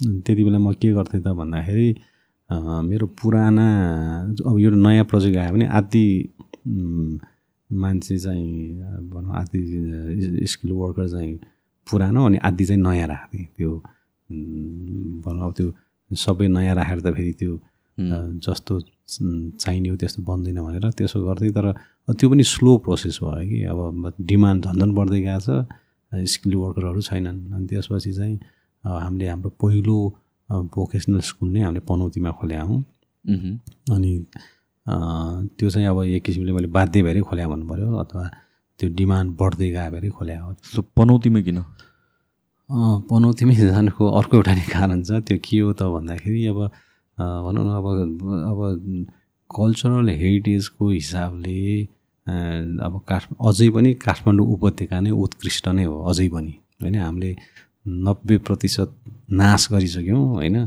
अझै पनि काठमाडौँ उपत्यका नै उत्कृष्ट नै हो। र काठमाडौँ उपत्यकाबाट बाहिर गइसकेपछि अलिकति प्रशस्त कल्चरल हेरिटेज भएको सहर भनेको पनौती नै हो। अनि अब भनौँ न अब म अब यो उपत्यकालाई बचाउन सक्ने त्यो स्थिति चाहिँ म त्यो त्यो काब मेरो काबुभन्दा बाहिर गइसकेको छ होइन? तर पनौतीमा चाहिँ अझै पनि म यो सिङ्गै सहर नै एउटा सुन्दर सहर बनाउन सक्छु भन्ने जति बेला मैले पनौती छिरेँ त्यति बेलादेखि नै मलाई फिल भएको कुरा हो त्यो। र त्यही भएको हुनाले नि अब मेरो चाहिँ वास्तवमा भन्ने हो भने सबभन्दा बढी प्रोजेक्टहरू त पनौतीमै छन् अहिले। र कारण के हो त भन्दाखेरि त्यहाँ पनि मैले एउटा एम्बिसियस मिसन राखेँ। त्यो के हो भन्दा नि सन् दुई हजार तिससम्ममा चाहिँ म सिङ्गै पनौतीलाई चाहिँ एउटा चाहिँ ट्रेडिसनल आर्किटेक्चरहरू मात्र भएको सहरको रूपमा डेभलप गर्छु भन्ने मिसन हो। तर अब दुर्भाग्यवश यो भूकम्प र कोभिडको कारणले अलिक हामी फसिनै परेका छौँ र अब फेरि सुरुका वर्षहरूमा अलिकति अब त्यहाँको कम्युनिटीलाई त्यो बुझाउनै सकिएन। फेरि अब यही त हो नि हाम्रो समाज अब त्यो सहयोग गर्ने भन्दा खुट्टा तान्ने धेरै हुन्छन्। होइन अब त्यो अलिकति गाह्रो गाह्रै थियो तर अब चाहिँ मजाले त्यसले राम्रो पेस लिन थालेको छ। र चाहिँ अझ अब चाहिँ सन् दुई हजार तिससम्ममा चाहिँ सकिन्छ कि भन्ने चाहिँ लागेको छ। सो यिनीहरू चाहिँ त्यहीँको हो यो चाहिँ? यो चाहिँ होइन हाम्रो सागाको चाहिँ नमुना गाउँ हो। ए ओके ओके। हजुर यो चाहिँ अब यो अर्कै प्रोजेक्ट हो यो चाहिँ हाम्रो कमर्सियल प्रोजेक्ट हो यो चाहिँ। यहाँतिर चाहिँ सबै ट्रेडिसनल घरहरू नै कम्प्लिटली ब्रान्ड न्यू घरहरू यहाँ चाहिँ हामीले पैँसठीवटा घरहरू बनाउँदैछौँ। अब अहिलेसम्म त सिद्धिसक्यो होला। अब यो दुर्भाग्य के छ भन्दाखेरि अब यो हाम्रो देशमा चाहिँ घुस नखानिदिकन अथवा चन्दा नदिकन यस्तो ठुलो प्रोजेक्ट गर्न नसकिने रहेछ। अब बरु म चाहिँ बरु कामै नगर्ने आजसम्म कसैलाई घुस खानिदिया पनि छैन चन्दा दिया पनि छैन। त्यस कारण चाहिँ अलिकति यहाँ चाहिँ बाधा व्यवधानहरू चाहिँ आइरहेका थिए तर अब चाहिँ फेरि अब चाहिँ काम गर्ने वातावरण चाहिँ बनिसकेको छ र अब सायद हामी छिटै नै यो प्रोजेक्ट चाहिँ अब सिद्ध्याउँछौँ होला। सो यो जस्ट जुन तपाईँले यो कहाँको साङ्गाको भन्नुभयो प्रोजेक्ट जुन छ यिनीहरू जुन सिक्सटी फाइभवटा घरहरू बनाउने भन्नुभएको छ यो अलरेडी प्रि बुकडहरू टाइपको हिसाबले हो कि के छ? होइन होइन। अब सुरुमा त कस्तो भएको थियो भने हामीले त्यो जुन तिनवटा घर बनिसक्ने बित्तिकै म एकदमै हतारिएर चाहिँ त्यो लन्चिङ गरिहालेँ। ओके त्यो कस्तो भएको थियो भने हामीले अब त्यो प्रोजेक्ट लन्च गऱ्यौँ अनि अब हाम्रो अब त्यो भनौँ त्यति बेलाको मेरो क्यापासिटी अनुसार वर्षमा दसवटा भन्दा बढी घर बनाउने आँट थिएन मलाई र हामीले दसवटा मात्रै बुकिङ खोलेको थियौँ। र कस्तो मजा भयो भने तपाईँको अब त्यही बेलै नै जति बेला हामीले त्यहाँ धेरैजनालाई बोलाएर त्यो प्रोजेक्ट इन्ट्रोड्युस गऱ्यौँ सबैजना नै गजब हुनुभयो बा यो त गजबको प्रोजेक्ट हो भनेर। र खै अनि बुकिङ गर्न मिल्दैन भने त्यति बेलै उहाँहरू कराउनु थाल्नु होइन यो त आजको दिन त यो व्यापार गर्ने दिन होइन यो त चाहिँ नि इन्जोय गर्ने दिन हो भन्ने हिसाबले हामीले अनि यो बुक गर्नु छ भने भोलि अफिसमा आउनु भनेर हामीले चाहिँ अफिसको एड्रेस दियौँ। भोलिपल्ट त कस्तो भयो भने विदिन टु थ्री आवर्स नै आठवटा घर बुकिङ भयो। दसवटा घर हामीले बुकिङ खोलेकोमा भनौँ दुई तिन घन्टाभित्रमै चाहिँ आठवटा बुकिङ भयो र मलाई चाहिँ अलिक डर डर पनि लाएर अनि आठवटामै मैले एन्ड गरेँ कि। त्यो दसवटा बुकिङ लिने आँट पनि भएन मलाई किन भन्दा त्यो एकदमै अब त्यस्तो होला भन्ने सोचेकै थिएन मैले। र चाहिँ नि अब त्यसपछि अब बुकिङ भइसकेपछि हामीले त्यो ठ्याक्क बनाउन सुरु मात्र गरेका थियौँ। भूकम्प आइहाल्यो बहत्तर सालमा होइन?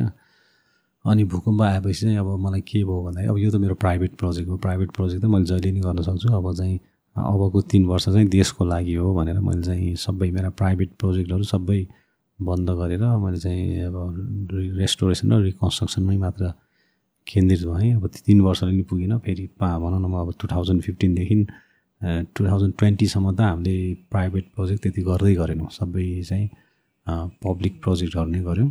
सो रिस्टोरेसन भनेपछि हामीहरूको जुन चाहिँ यो दरबारहरू यताउति भत्कियो मन्दिरहरू र फेरि ऊ पनि जस्तै हामीले चाहिँ दुई तिनवटा रिकन्स्ट्रक्सनको काम पनि गऱ्यौँ। अब यो ठ्याक्क फोटो देखाउनु भयो तपाईँले जस्तै यो चाहिँ अब मैले भूकम्पपछि धेरैलाई बुझाउन खोजेको कुरो यही थियो कि जस्तै अब यो अब यो तपाईँको घर चाहिँ अब अनलिभेबल भए पनि त्यसलाई चाहिँ तपाईँको जगसँगै भत्काएर त्यही नै झ्याल अथवा त्यही नै इँटा सबै मेटेरियल रियुज गरेर चाहिँ बनाउन सकिन्छ भनेर मैले चाहिँ देखाउ देखाएँ यो। तर अब यस्तो भइदिएको भए अझै पनि धेरै डिस्ट्रक्सन हुँदैन थियो होइन। तर अनफर्चुनेटली अब यो चाहिँ धेरैबाट फलो हुँदै हुँदै भएन। यो सबैले चाहिँ अब यो भूकम्पपछि त कङ्क्रिट घरहरू नै बनाएँ बनाएँ। त्यो चाहिँ एकदमै अब भनौँ न मैले हजार प्रयास गर्दाखेरि पनि सफल नभएको कुरा हो यो। तर अब अहिले चाहिँ मान्छेले रियलाइज गरिरहेको छ अब इट्स टु लेट होइन तपाईँ यो त अस्ति हामीहरू यसकै प्यासेजबाट पास भएको त्यो बाङ्गो भएको हजुर हजुर काठ होइन अब तपाईँको भनौँ न तपाईँले त्यो अब यो त भनौँ न यो सबै मेटेरियल त तिन सय वर्ष पुरानो हो नि त होइन? त्यो तपाईँले इँटाहरू समेत। इँटाहरू समेत होइन? त्यो अब यो त तपाईँले अब हाम्रो हिसाबले त यो पैसा तिरेर नै नपाइने चिज हो यो त। होइन अब त्यो चाहिँ नि अब त्यो अझै पनि बुझाउन चाहिँ गाह्रो गाह्रै छ सो यो जुन back to coming back to तपाईँको स्कुल होइन नेपाल भोकेसनल एकाडेमी हजुर। सो त्यसमा तपाईँले इन्ट्रेस्टिङ भन्नुभएको थियो तपाईँ कस्तो फिजहरू कसरी वर्क गर्छ अन्त त्यो पनि मलाई इन्ट्रेस्टिङ लाग्यो। आई थिङ्क त्यो पनि अडियन्सलाई हामीले एक्सप्लेन गर्न सक्छ मैले अलिक बुझिनँ सुनाउने त्यो त्यहाँ तपाईँको स्टुडेन्टहरूको फिजहरू कुरा तपाईँले एक्सप्लेन गर्नुभएको थियो। मलाई एकदम इन्ट्रेस्टिङ लाग्यो कि त्यो आई डोन्ट थिङ्क कहीँ हुन्छ होला नेपालमा। त्यसको बारेमा हजुर जस्तै अब अझ मैले दुइटा हाम्रो त दुइटा स्किम छ एउटा मात्रै बता बताएको थिएँ तपाईँलाई। त्यो चाहिँ अब हाम्रो पढाइ चाहिँ एक वर्षको हुन्छ ट्रेनिङ चाहिँ होइन? अनि हामीले त्यसलाई चाहिँ फोर क्वार्टरमा डिभाइड गरेका छौँ। अनि त्यसपछि हामीले अब फर्स्ट क्वार्टरमा चाहिँ ट्युसन फी भनेर हामीले महिनाको तिन हजार अनि लजिङ र फुडिङलाई भनेर पहिला त हामी छ हजार लिन्थ्यौँ यसपालिदेखि मात्रै बढायो हामी वर्षको सात हजार चाहिँ के महिनाको सात हजार चाहिँ लजिङ र फुडिङ लिन्छौँ। Total ten thousand total first क्वा फर्स्ट क्वार्टर पहिलो पहिलो तिन महिनामा। अनि दोस्रो तिन महिनामा चाहिँ हामीले ट्युसन फी लिँदैनौँ खालि लजिङ र फुडिङको चाहिँ महिनाको सात हजार लिन्छौँ। अनि थर्ड क्वार्टरदेखि चाहिँ सबै कुरा फ्री हुन्छ। किनभने उहाँहरूको उहाँहरूको काम चाहिँ हामीलाई भ्यालुएबल हुन थालिसक्छ कि। छ महिनापछि चाहिँ। अनि त्यो भएको हुनाले उहाँहरूलाई बस्न खान सबै फ्री हुन्छ र अन टप अफ द्याट हामी चाहिँ उहाँहरूलाई महिनाको तिन हजार चाहिँ पकेट मनी दिन थाल्छौँ। अनि लास्ट क्वार्टरमा चाहिँ हामी फेरि उहाँहरूलाई चाहिँ महिनाको चाहिँ छ हजार रुपियाँ पकेट मनी दिन थाल्छौँ। होइन त्यो चाहिँ नि वास्तवमा उहाँहरूले जति बुझाउनुहुन्छ त्यति नै चाहिँ फेरि लिएरै जानुहुन्छ। होइन। सो यो वान इयरको ग्रा भनौँ न कोर्स सकिने बित्तिकै अनि त्यसपछि जबहरू चाहिँ पाइहाल्छ पाइहाल्छ। अब हामीलाई हाम्रो गौरवको कुरै के छ भन्दाखेरि हाम्रो चाहिँ अहिलेसम्म हामी कहाँ ट्रेन भएको मान्छे बेरोजगार हामीले अहिलेसम्म भेटेकै छैन। अब त्यो मात्र होइन कि जस्तै अब भनौँ न तपाईँको चाहिँ अब तपाईँ एकाडेमिक लाइनमा जानुभयो भने तपाईँले बाह्र क्लाससम्म पढ्नुहुन्छ त्यसपछि ब्याचलर गर्न अर्को चार पाँच वर्ष लाग्छ होइन? र त्यसपछि पनि कतिलाई त महिनाको बिस तिस हजारको जागिर पाउनै गाह्रो परिरहेको हुन्छ होइन? हामी कहाँ त एक वर्ष एक वर्ष ट्रेनिङ लिएपछि त उसले बिस तिस हजारको जागिर त इजिली पायो पायो होइन? अब अहिले हाम्रा फर्स्ट ब्याचका चाहिँ त्यो वुड कार्बर स्टोन कार्बरदेखि चाहिँ हामी आफैलाई प्राउड किन हुन्छ भन्दाखेरि उहाँहरू त महिनाको एक लाखभन्दा बढी कमाउनुहुन्छ होइन? त्यो भनेपछि कस अब कस्तो चाहिँ मजाको कुरा हो कि जस्तै एउटा चाहिँ नि अब उहाँहरूले आफै मात्र कमाइरहनु भएको छैन कि? उहाँहरूको कामले देशलाई कति ठुलो चाहिँ टेवा पुगिरहेछ। होइन? त्यस कारण चाहिँ यो एकदमै सुरुमा भनिहाल्ने मैले चाहिँ पहिलो भोकेसनल स्कुल चाहिँ बाध्य भएर खोले हो। होइन? अब दोस्रो हामीले जस्तै भनौँ न हाम्रो पनौतीमा हाम्रो क्यापेसिटी भनेको sixty five students per year हो। भक्तपुरमा अहिले हामीसँग two hundred students per year क्यापेसिटीको चाहिँ नै भोकेसनल स्कुल छ। र हामीले अहिले फेरि तेस्रो पनि सुरु गरेँ तेस्रो पनि कन्स्ट्रक्सन सुरु गरिसकेका छौँ। जहाँ चाहिँ हामीले वर्षमा हजारजनासम्मलाई पढाउन सक्ने ठाउँ चाहिँ बनाउँदैछौँ अब। सो यो चाहिँ कहाँ हुँदैछ? त्यो पनि पनौतीमै हो। ओके सो तपाईँहरूले यो वान इयरको कोर्समा के के पढाउँछ? फोकस जस्तै अहिले हाम्रो पनौतीमा चाहिँ हाम्रो डकर्मी सिकर्मी stone carving wood carving metal casting र त्यहाँका महिलाहरूको रिक्वेस्टमा चाहिँ हामीले त्यहाँ टेलरिङ र ब्युटिसियन पनि सुरु गरेका छौँ। अनि भक्तपुरमा चाहिँ हामीसँग चाहिँ अब जस्तै मेटल कास्टिङ चाहिँ भक्तपुरमा छैन तर भक्तपुरमा चाहिँ इलेक्ट्रिसियन र प्लम्बर छ त्यो चाहिँ पनौतीमा छैन। अनि अहिले हामीले तेस्रो चाहिँ एकदमै हतारका साथ जस्तै भनौँ न अब अहिले त भनौँ न यो शिलान्यास गरेको एक वर्ष नै भएको छैन तर हाम्रो त्यो फ्रेम स्ट्रक्चरको काम सिद्धिसकेको छ र हामी छ महिना पछि नै त्यहाँ चाहिँ अर्को थप दुई सयजना विद्यार्थीहरू पढाउन सक्ने स्थितिमा पुगिसकेका छौँ। त्यो के त भन्दाखेरि तपाईँको अहिले भनौँ न एग्रिकल्चर फार्महरू एकदमै चाहिँ बढेको रहेछ स्वाटै तर समस्या के रहेछ भन्दाखेरि स्किल्ड वर्कर नभएर चाहिँ उहाँहरूलाई समस्या परिरहेको छ। धेरैजनाले भनेपछि अनि हामीले चाहिँ अब यो त्यो अहिले हाम्रो थर्ड सेन्टरमा चाहिँ हाम्रो सुरुवातमै हामीले चाहिँ एग्रिकल्चर र लाइफ स्टक चाहिँ पढाउँदैछौँ। र त्यो पनि सय सयजना विद्यार्थीलाई दुई सयजना विद्यार्थी टार्गेट गरेर हामीले त्यो बिल्डिङ चाहिँ अब छ महिनाभित्रै बनाइसक्छौँ र हामीले अब त्यो पनि एउटा चाहिँ भनौँ न देश र विभिन्न फर्महरूको लागि चाहिँ एउटा धेरै नै ठुलो चाहिँ टेवा हुनेवाला छ। सो यो जुन स्टुडेन्टहरू छ उनीहरूले सबैजनाले यो सबै कुराहरू नै सिक्छ थ्रु आउट वान इयरमा कि होइन होइन एउटा एकजनालाई एउटा सिक्ने हो। ओके जस्तै हामीले चाहिँ अब पहिलो महिना चाहिँ उहाँहरूलाई फ्रिडम दिन्छौँ होइन कता जाने भनेर होइन। धेरै जस्तो त म यही पढ्छु भनेरै चाहिँ आएका हुन्छन् होइन। अनि कोही जो कन्फ्युज हुन्छन् उहाँहरूलाई चाहिँ एक महिनासम्म चाहिँ यताउता जान सक्ने फेसिलिटी दिन्छौँ हामीले अनि एक महिनापछि चाहिँ अनि त्यो त्यसमा सेलेक्ट गर्यो त्यसमा चाहिँ एक्सपर्टिज हुँदै हजुर ओके इन्ट्रेस्टिङ यो कति भएर गर्न थाल्नुभएको स्कुल चाहिँ? जस्तै हाम्रो पनौतीको चाहिँ हामीले करिब करिब दस वर्षै भइसक्यो पनौतीमा सुरु गरेर चाहिँ। अनि जस्तै अब हामीले भक्तपुरमा चाहिँ ठ्याक्कै टु थाउजन्ड ट्वेन्टीमा सुरु गऱ्यौँ। कोभिड पनि ठ्याक्कै आयो त्यही बेला होइन? अब हामीले चाहिँ त्यहाँ दुईचोटि सुरु गरेर अनफर्चुनेटली हामीले दुईचोटि बन्द पनि गर्नु पऱ्यो र त्यस तर बिस पच्चिसजना स्टुडेन्टहरू चाहिँ होइन? हामी त कहीँ जाँदैनौँ यहीँ बस्छौँ भनेपछि अब उहाँहरूलाई राखेर चाहिँ हामीले उहाँहरूलाई पास आउट गरिसकेका छौँ। अब हाम्रो नयाँ चाहिँ अब श्रावण एक गतेदेखि सुरु हुँदैछ। सो यसको बारेमा अवेरनेस कतिको छ बाहिर जस्तै अहिले अहिले मैले भने एउटा स्किम भने अर्को दोस्रो स्किम चाहिँ मैले बताउने बिर्सिन्छु तपाईँले अब हामी कहाँ जस्तै अब हामी चाहिँ अघि यो स्कुल ठ्याक्कै देखियो। हामी मेरो अर्को एउटा एम्बिसियस ड्रिम के छ भन्दाखेरि म चाहिँ सतहत्तरवटै जिल्लामा एउटा एउटा चाहिँ नमुना सामुदायिक विद्यालय बनाउँछु भनेर पनि लागेको छु। र अहिलेसम्म मैले सोह्रवटा बनाइ पनि सकेको छु र त्यहाँ त्यो चाहिँ हामीले धेरै जस्तो दुर्गम ठाउँमै बनाइराखेका छौँ। अनि त्यहाँको सिचुएसन कस्तो छ भन्दाखेरि अब भनौँ न अब फर्चुनेटली अनफर्चुनेटली भनौँ कि अब अहिलेको हाम्रो गाउँहरूको रियालिटी कस्तो छ भन्दाखेरि अब त्यहाँ यस पार पास गरिसकेपछि मैले चाहिँ अब आफ्नो अनुभव अनुसार त्यहाँका त्यो उहाँहरूलाई तिन क्याटेगोरीमा छुट्याएको छु। एउटा क्याटेगोरी कस्तो हुन्छ भन्दाखेरि नजिकको कुनै सहर भनौँ न अब काभ्रेको कुनै दुर्गम ठाउँको चाहिँ स्कुल छ भने उहाँहरू बनेपा धुलीखेल आएर अथवा भक्तपुर काठमाडौँ आएर एउटा रुम लिएर खाने बस्ने सबै एउटै रुममै गरेर उहाँहरूले चाहिँ एघार बाह्र पढ्नुहुन्छ। अनि अर्को क्याटेगोरी कस्तो छ भने जसरी भए पनि अब ऋण लिएर हुन्छ कि जग्गा बेचेर हुन्छ कि जे बेचेर पनि विदेशी जाने क्याटेगोरी हुन्छ एसएससी दिएपछि होइन? अनि थर्ड क्याटेगोरी चाहिँ कस्तो छ भन्दाखेरि त्यो दुइटै गर्न नसक्ने अब उनीहरूलाई चाहिँ अब त्यो एघार बाह्र पढ्ने इच्छा छ तर अब सम्भावना छैन। अनि त्यो मैले थाहा बुझेपछि ठ्याक्क हामीले चाहिँ कस्तो स्किम निकाल्यो भने ल हामी कहाँ आउनुहोस् होइन? तपाईँहरूलाई बस्न खान पनि फ्री हुन्छ एघार बाह्र पनि हामी पढाइदिन्छौँ। अनि त्यस बापत चाहिँ तपाईँले एउटा सिप सिक्नुपर्छ। भनेपछि चाहिँ उहाँहरू त खुसी साथ आउनुहुन्छ होइन?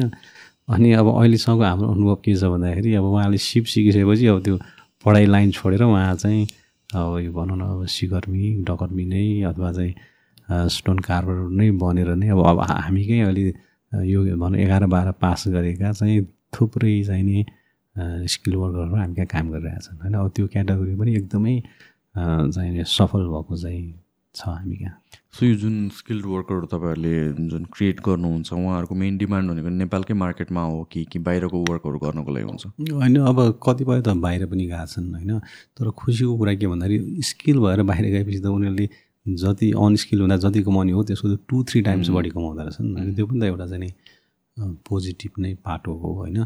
तर अब भनौँ न हामीलाई खुसी र गौरवको कुरा के छ भन्दाखेरि हामीले चाहिँ भूकम्प अगाडि नै यति धेरै चाहिँ स्किल वर्करहरू निकालिसकेका थियौँ कि त्यसले गर्दाखेरि चाहिँ हामीले चाहिँ भनौँ न स्पेसली सम्पदाको रिकन्स्ट्रक्सनमा चाहिँ हामीले धेरै नै ठुलो योगदान गरेका छौँ जस्तो लाग्छ मलाई। सो स्कुलको कुरा गर्दाखेरि चाहिँ जुन सतहत्तरवटै जिल्लामा बनाउनु भन्नुभएको छ सोह्रवटा ठाउँमा बनाइसक्नुभयो तपाईँ। सो यो बनाउँदाखेरि चाहिँ मटेरियलहरू पनि त्यहीबाट लोकली नै युज गर्नुहुन्छ। अनि सो एउटा स्कुल बनाउँदाखेरि कतिजना जति तपाईँको लाइक वर्करहरू काम चाहिन्छ होला?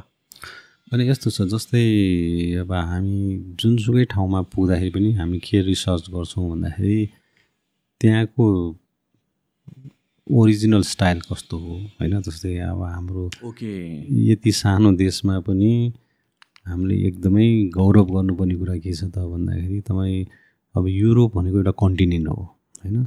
तपाईँको चाहिँ माथि फिनल्यान्डदेखि त पोर्टुगलसँग जानुहोस्। तपाईँको त्यहाँ देखिने आर्किटेक्चर भनेको एकै किसिमको हो होइन? हाम्रो यति सानो देशमा पनि अब अथवा हाम्रो अध्ययनमा आइसकेका आठ किसिमका चाहिँ नि आर्किटेक्चरहरू छन् होइन? शेर्पा आर्किटेक्चर गुरुङ आर्किटेक्चर तपाईँको चाहिँ किराँत आर्किटेक्चर होइन तामाङ होइन खस आर्य नेवारी त उत्कृष्ट नै भइहाल्यो। थारू मैथली सबै अब यति किसिमका चाहिँ त्यो प्रत्येकको आफ्नै चाहिँ नि मौलिकता र विशेषताहरू छन्। होइन यति सानो अझ अरू पनि छन् होला हाम्रो चाहिँ नजरमा पर्न नसकेको होइन। अब अब त्यो अब हामीले चाहिँ यसलाई पनि अब जुन ठाउँमा हामी जान्छौँ त्यही नै शैलीमा चाहिँ बनाउन खोज्छौँ पहिलो कुरा। दोस्रो कुरा अनि अब त्यो त्यहाँको शैलीमा बनाउने भन्ने बित्तिकै त्यहाँकै लोकल मेटेरियल्सहरू नै युज गर्ने हो हामीले होइन?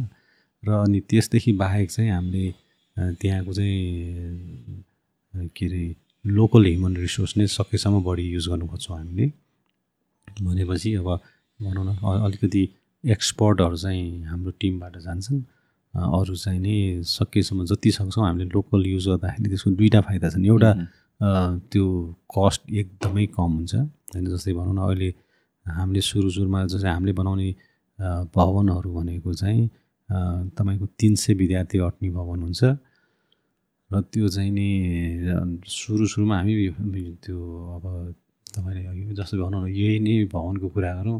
अब अब यसमा हाम्रो खर्च भएको जम्मा पचास साठी लाख रुपियाँ मात्रै हो। होइन भनेपछि किन त भन्दाखेरि हामीले local material local human resource use गर्ने भन्नाले यो कहाँको हो? यो चाहिँ दाप्चाको हो यो क्राबेको दाप्चा भन्ने ठाउँको हो यो। र सबै ठाउँमा हामी एउटा एउटा मात्रै बनाउँथ्यौँ त्यो ठाउँमा चाहिँ हामीले दुईवटा बनाएको छौँ। त्यो कारण के हो त भन्दाखेरिमा किन त्यो दाप्चालाई पनि म बचाउन चाहन्छु। त्यो चाहिँ एकदम पुरानो नेवारी सहर हो। र त्यसलाई बचाउनुको लागि नै त्यो भ्यालु एड गर्नको लागि नै हामीले त्यहाँ दुईवटा स्कुल बनाएको छौँ। र चाहिँ मैले भन्नु खोजेको कुरा के हो त भन्दाखेरि त्यो हामीले चाहिँ तपाईँले जुन ह्युमन रिसोर्सको कुरा गर्नुभयो हामीले चाहिँ धेरै जसो ठाउँमै त्यहाँको लोकल ह्युमन रिसोर्स नै युज जस्तै यो चाहिँ अब रामेछापको स्कुल हो। त्यहाँ चाहिँ अब यहाँ चाहिँ यो यस्तो अनकन्टा ठाउँमा हजारजनाभन्दा बढी विद्यार्थी छन् त्यहाँ। होइन? त्यो भएको हुनाले चाहिँ हामीले त्यहाँ चाहिँ दुईवटा भवन बनाइदियौँ। त्यो पनि एउटा एक्सेप्सन नै हो। अब त्यो चाहिँ दुइटा हजुर हजुर। यो मैले नोटिस गरेको चाहिँ हामीहरूको लाइक यो अहिले इन्टरनेटमा मैले अस्ति रिसेन्टली पनि मिम देखेको थिएँ कि एउटा पहिला पहिलाभन्दा ग्लोबली नै हेर्दाखेरि डिटेलहरू चाहिँ हराउँदै गइरहेछ अफकोर्स जे पनि प्लेन एभ्रिथिङ प्लेन गर्ने काइन्ड अफ सो जब चाहिँ यो तपाईँको स्ट्रक्चरहरू देख्छु त्यहाँतिर चाहिँ जस मलाई अस्ति जाँदाखेरि पनि फिल भएको। एभ्रिथिङमा सानो सानो सानो सानो सानो सानो डिटेलहरू छ। त्यो एभ्री ठाउँमा रिपिट भन्छ so I can not imagine त्यो यसो हेर्दा त झन्झटिलो। हजुर हजुर। होइन त्यो बनाउने ल क- कहिले बनाउँदा त्यत्रो झर्को सानो सानो अ, चिजहरू। तर त्यही एलिमेन्ट त्यही डिटेलहरूले गरेर नै त्यसको भ्याल्यु नि। इम्पोर्टेन्स बढ्ने नै हो नि त। अनि जस्तै अब मैले एकदमै महत्त्वपूर्ण कुरा गर्नुभयो जुन मेरो दिमागमा छ त्यो के हो त भन्दाखेरि अहिले चाहिँ संसारभरि नै ह्यान्डिक्राफ्ट चाहिँ लोप हुँदै जाने स्थितिमा छ एकदमै। सं- संसारभरिमै। तर अब हामीले चाहिँ नेपालमा त्यसलाई प्रमोट गर्नु पऱ्यो हामी जस्तै हामीले किन गाडी बनाउनु पऱ्यो हामीले किन कम्प्युटर बनाउनु पऱ्यो हामी चाहिँ ह्यान्डिक्राफ्टमै वर्ल्डमा नम्बर वान हौँ न। त्यो त्यो क्षमता त्यो सम्भावना हामीसँग छ। होइन? जस्तै भनौँ न अब हामीले त झन् झन् बढी चाहिँ विद्यार्थीहरू ट्रेन गर्दै आइरहेछौँ र त्यो हामीले नै अब अब आउँदो केही वर्षमा चाहिँ त्यो ह्यान्डिक्राफ्टको एउटा इन्डस्ट्री नै सुरु गर्नुपर्ने स्थिति देखिसकेका छौँ हामीले। किन भन्दाखेरि अब त्यो सबै विद्यार्थीहरूलाई इम्प्लोइमेन्ट त दिनु पऱ्यो होइन। भनेपछि अब भनौँ न अबको दस वर्षमा हाम्रो भिजन के हुनुपर्छ भन्दाखेरि हामी चाहिँ ह्यान्डिक्राफ्टमा वर्ल्डमा नै नम्बर वान हुने होइन? संसारमा लोप हुँदैछ। हामी कहाँ चाहिँ यसलाई मजाले प्रमोट गर्न सक्ने सम्भावना चाहिँ छ। सो जुन लोप हुँदैछ भनेको इन जेनरल स्किल्ड वर्कर लोप हुँदैछ कि डिमान्ड पनि कम हुँदैछ? होइन डिमान्ड चाहिँ छ। डिमान्ड चाहिँ छ। किनभने भनौँ न कसैसँग पैसा भएपछि राम्रो चाहना डिटेल नै खोज्छन् फेरि। गरिहाल्छ नि। तर अब भनौँ न अब स्पेसली युरोप अमेरिकातिर के हुँदैछ भन्दाखेरि त्यो यो- झन्झटिया काम किन गर्ने अब भनौँ न अहिले त सबैजनै आइटीमै होमिन थालिसके। होइन होइन अब अब अथवा कसरी चाहिँ सजिलै पैसा कमाइन्छ भन्ने कुरामै होमिन थालिसके त्यसले गर्दाखेरि चाहिँ हामीले यो यो चाहिँ सिचुएसनलाई चाहिँ हामीले चाहिँ क्यास गर्न सक्नु पऱ्यो कसरी त भन्दाखेरि अब जस्तै अब हामीले त सुरु नै गरिसकेका छौँ होइन अब स्किल वर्करहरू ट्रेन गर्नलाई अब भोलि हामी कहाँ भनौँ न। Specially wood carving store carving र मेटल कास्टिङका जति पनि विद्यार्थीहरू छन् होइन उनीहरूलाई चाहिँ समेटेर एउटा इन्डस्ट्री नै सुरु गर्नुपर्छ भन्ने सोच हामीमा आइसकेको छ होइन? र त्यही भिजन चाहिँ स्थानीय निकाय अथवा चाहिँ गभर्मेन्टले राखिदिने हो भने त हामी भनिहाल्ने आउँदो दसदेखि बिस वर्षमा त ह्यान्डिक्राफ्टमा नम्बर वान भनेकै नेपाल भन्ने त्यो त्यति असम्भव कुरै छैन।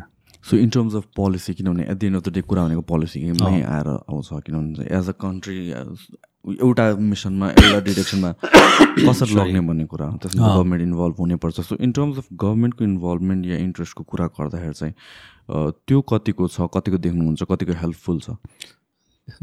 छँदै छैन छँदै छैन। अब त्यो सरी त्यो चाहिँ बिस्तारै आउने भएछ। तपाईँलाई एउटा उदाहरण दिन्छु। अब भनौँ न एउटा तपाईँको चाहिँ चार फुट बाई दुई फुटको ढुङ्गा हामीले पायौँ भने। त्यसलाई चाहिँ हामी बाह्र लाखको बनाएर एक्सपोर्ट गर्छौँ। होइन? त्यसले यो देशमा कति राम्रो चाहिँ नि फरेन करेन्सी आर्जन हुन्छ र कतिजनाले काम पाउँछन्। तर त्यो ढुङ्गा लिनलाई हामीले यति धेरै ह्यासल चाहिँ बियर गर्नुपर्छ कि त्यो कुरै नगरौँ। ढुङ्गा एक्वायर गर्न पनि गाह्रो छ। यति त्यही त भनौँ न अब त्यो य- यति धेरै ह्यासल छ कि त्यो कुरै नगरौँ कि अब त्यसमा चाहिँ अब हामीले कति अब त्यो स्थानीय निकाय खानी विभागलाई कति बुझाउनु पर्यो पुरातत्व विभागले किनभने यो त संस्कृति मन्त्रालय पुरातत्व विभागले गरिदिनु पर्ने पहल हो। तपाईँको जस्तै भनौँ न अहिले त ढुङ्गाको सबभन्दा राम्रो प्रोडक्सन ढुङ्गाका मूर्तिहरू पाटनमा भइरहेछन् तपाईँ पाटनमा मूर्ति बनाउने एक एकजनालाई गएर सोध्नुहोस् त उनीहरूले कति चाहिँ नि दुःख कष्ट भोग्नुपर्छ त्यो ढुङ्गा उनीहरूको घरसम्म आइपुग्नुको लागि। सो ढुङ्गा एक्वायर गर्नलाई गाह्रो हुनुको कारण के हो? अनि त्यो पोलिसी नै नभएर होइन ढुङ्गा आउँछ कहाँबाट त जस्तै अब मूर्ति बनाउनको लागि सबभन्दा राम्रो तपाईँको लिच्छिबी कालदेखि नै प्रयोग भइरहेको ढुङ्गा भनेको हात्तीवन एरिया हो एरियाको हो। एकदमै राम्रो। त्यो त्यो हात्तीवनको ढुङ्गा त कस्तो हुन्छ भने तपाईँले यताबाट हान्दा नि हुन्छ उताबाट हान्दा नि हुन्छ। त्यो जस्तै त्यो त्यो भनेको एकदमै उत्कृष्ट क्वालिटीको ढुङ्गा हो। नत्र अब अहिले हामीले पाउने ढुङ्गा त एकतिर मात्र मात्र हान्नुपर्छ। दुईतिरबाट हान्यो भने त्यो चोइटेर गइहाल्छ होइन? त्यस कारण चाहिँ अब यो अब यो अब मैले भनिहालेँ नि हाम्रो दुई फुट बाई चार फुटको ढुङ्गा हाम्रो हातमा पऱ्यो भने त्यसलाई हामी तपाईँको चाहिँ करिब करिब टेन थाउजन्ड डलरको बनाएर एक्सपोर्ट गर्छौँ हामी होइन? अब त्यसमा गभर्मेन्टले चाहिँ सहयोग गर्नुपर्छ कि पर्दैन? होइन अब त्यो सबै कुरा चाहिँ भइरहेको छैन। अब होइन यो सबै तारतम्य मिल्ने हो भने त तपाईँको नेपालको काया पलट हुन दस वर्ष पनि लाग्दैन। होइन तपाईँलाई अब म भनौँ न आज महिनामा एउटा मूर्ति एक्सपोर्ट गर्छु भने गभर्मेन्टले साथ दिने भने त म त दसवटा एक्सपोर्ट गर्छु नि। मलाई त्यो ढुङ्गा ल्याउनै झन्झट छ? कसरी चाहिँ नि काम गर्नु? सो बोटल नेक नै अहिले ढुङ्गा पाउनु नै भइसक्यो। होइन त्यो पोलिसी नभएर हो कि? त्यो अब यसले चाहिँ देशको लागि यस्तो राम्रो गर्दो रहेछ यसलाई चाहिँ हामीले चाहिँ प्रोत्साहन गर्नुपर्छ भन्ने कुरा त्यो भनौँ न सरकारी निकायमा बसेका कुनै व्यक्तिलाई पनि त्यो त्यो हुँदै हुँदैन। अब कि त्यसबाट केही फाइदा हुन्छ भने गर्ने हो नत्र भने किन गर्ने? भन्ने नै सोच भएर नै दुःख पाइरहेछौँ हामीले। So in terms of export पनि भयो होइन? तर अर्को रियलाइजेसन मलाई के हुन्छ भनेपछि at the end of the day नेपालको प्लस पोइन्ट के हो त किनभने हामीले त आफ्नो स्ट्रेङ्थतिर प्ले गर्नु पऱ्यो होइन. सबैतिर we cannot be like everything for jack of all trades भएर त भएन। हाम्रो एक्सपर्टिज भनेर भनेको त at the end of the day घुमेर चाहिँ टुरिज्ममै आउँछ। र टुरिज्म भन्ने बित्तिकै इदर इट्स नेचुरल रिसोर्सेस जुन छ ओर हाम्रो आर्ट एन्ड आर्किटेक्चर किनभने चाहिँ अगेन एज अ सिभिलाइजेसन त हामीहरू थाउजन्ड्स अफ इयर्स अगाडि पनि वर एडभान्स त्यो टाइमको लागि होइन? किन आर्ट एन्ड आर्किटेक्चरमा इन्भेस्ट गर्नु भनेको त आफ्नो बेसिक नेसेसिटिज फुलफिल भइसकेपछि कुनै पनि सिभिलाइजेसनले त्यहाँतिर जान्छ and we were that so त्यो इम्पोर्टेन्स हामीलाई थाहा हुँदै हुँदाखेरि पनि in terms of heritage in terms of culture in terms of यो आर्किटेक्चरहरू त्यहाँ प्रेजर्भेसन र प्रेजर्भेसन मात्र होइन क्रिएटिङ मोर अफ इटमा चाहिँ गभर्मेन्टसँग इन टर्म्स अफ पोलिसी कुरा नमिल्नेको कारण चाहिँ के भइरहेको छ? तपाईँले कस्तो महत्त्वपूर्ण कुरा गर्नुभयो सुशान्तजी है? हामी हामी स्वर्गमा छौँ कि यो खालि यो खोक्रो देशभक्ति भनिरहेको छैन मैले। होइन मैले भनौँ न तपाईँको करिब करिब दस पन्ध्रवटा देशमा गएर त कामै गरिसकेको छु तिस चालिसवटा देश घुमिसकेको छु। नेपाल जस्तो राम्रो देश मैले अहिलेसम्म कहीँ भेटेकै छैन। त्यस्तो राम्रो देश छ यो तपाईँको चाहिँ कल्चर र नेचरको हिसाबले होइन? हामीसँग भएको यो डाइभर्सिटी त यो त तपाईँको भनौँ न अब हामीलाई तपाईँको तपाईँको चाहिँ भनौँ न एमाजोनदेखिको एन्टार्टिकासम्मको चाहिँ वेदर छ हाम्रो देशमा होइन? त्यो अब भइहाल्ने अब यो हामी तपाईँ हामी यहाँ हाफ सर्ट लाएर बसेको छौँ। हामी नौ महिना त हाफ सर्ट लाएर बस्छौँ। कहाँ छ त्यस्तो देश?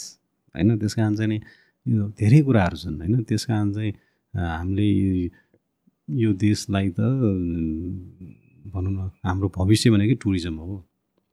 होइन त्यस कारण चाहिँ नि हामी पनि मोज गर्ने हो अरूकालाई अरूलाई मोज गराएर पैसा कमाउने भाग्य भएको मान्छे हामी।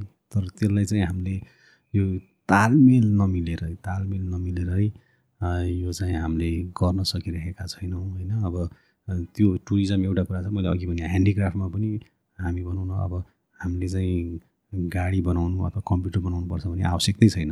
अरूले बनाउनु न अब हामी दुईवटा मूर्ति बेचेर एउटा गाडी किनौँला नि हामी होइन. त्यस कारण चाहिँ नि त्यो हाम्रो एक्सपर्टिज चाहिँ र हाम्रो भविष्य पनि भनौँ भोलि फरेन करेन्सीको लागि चाहिने मुख्य मुख्य मेरुदण्ड भनेकै ह्यान्डिक्राफ्ट टुरिज्म र हाइड्रो पावर नै हो होइन?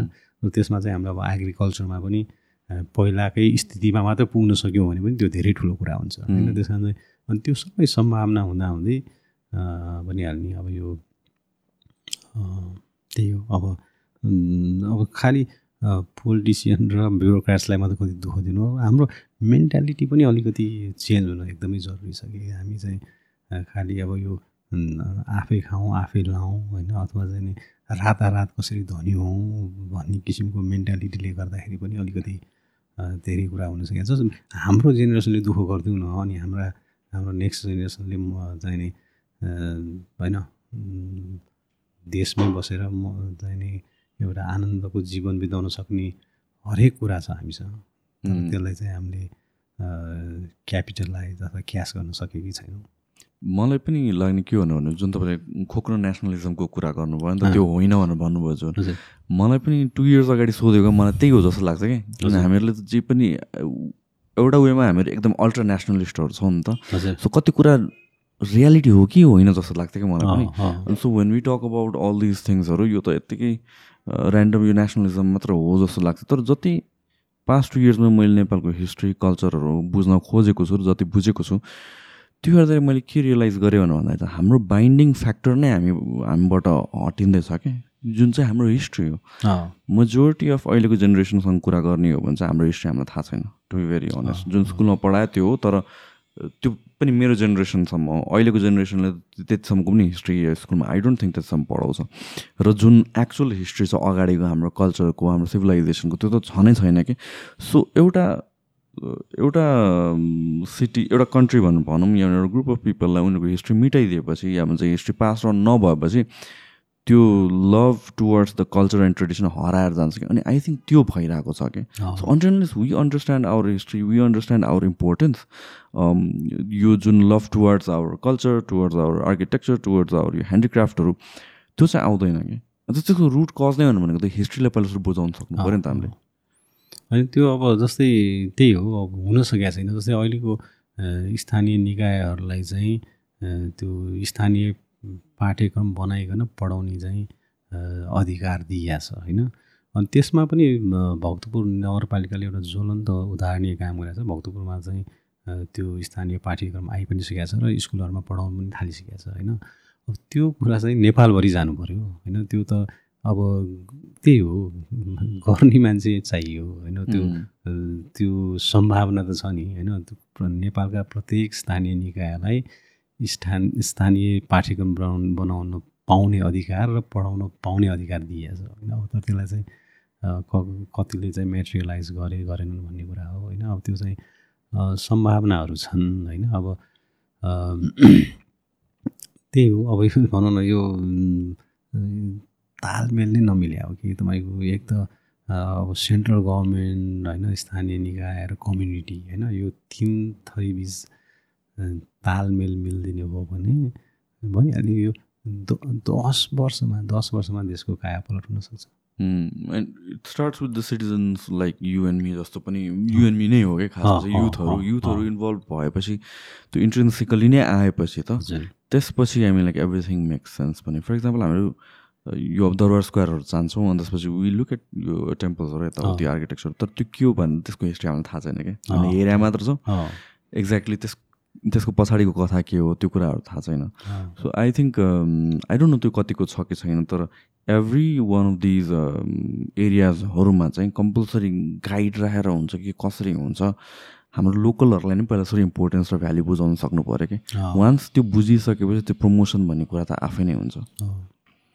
अनि त्यही हो अब अब यो सबै चाहिँ यसको मेन दायित्व त पोलिसी लेभलमा बसेका मान्छेहरूकै हुन् होइन? अब त्यो बिस्तारै चाहिँ हुँदै जाओस् भन्ने चाहिँ हामीले आश र कामना गर्नुपर्छ र अब तपाईँहरू तपाईँ म जस्तो मान्छेहरू चाहिँ निरन्तर लागिरहनुपर्छ होइन? अब अब एउटै दुःखको कुरा के छ भन्दाखेरि जस्तै अब म त विगत पच्चिस वर्षदेखि यो फिल्डमा निरन्तर तन मन धन हरेक हिसाबले लागे लागेको छु होइन?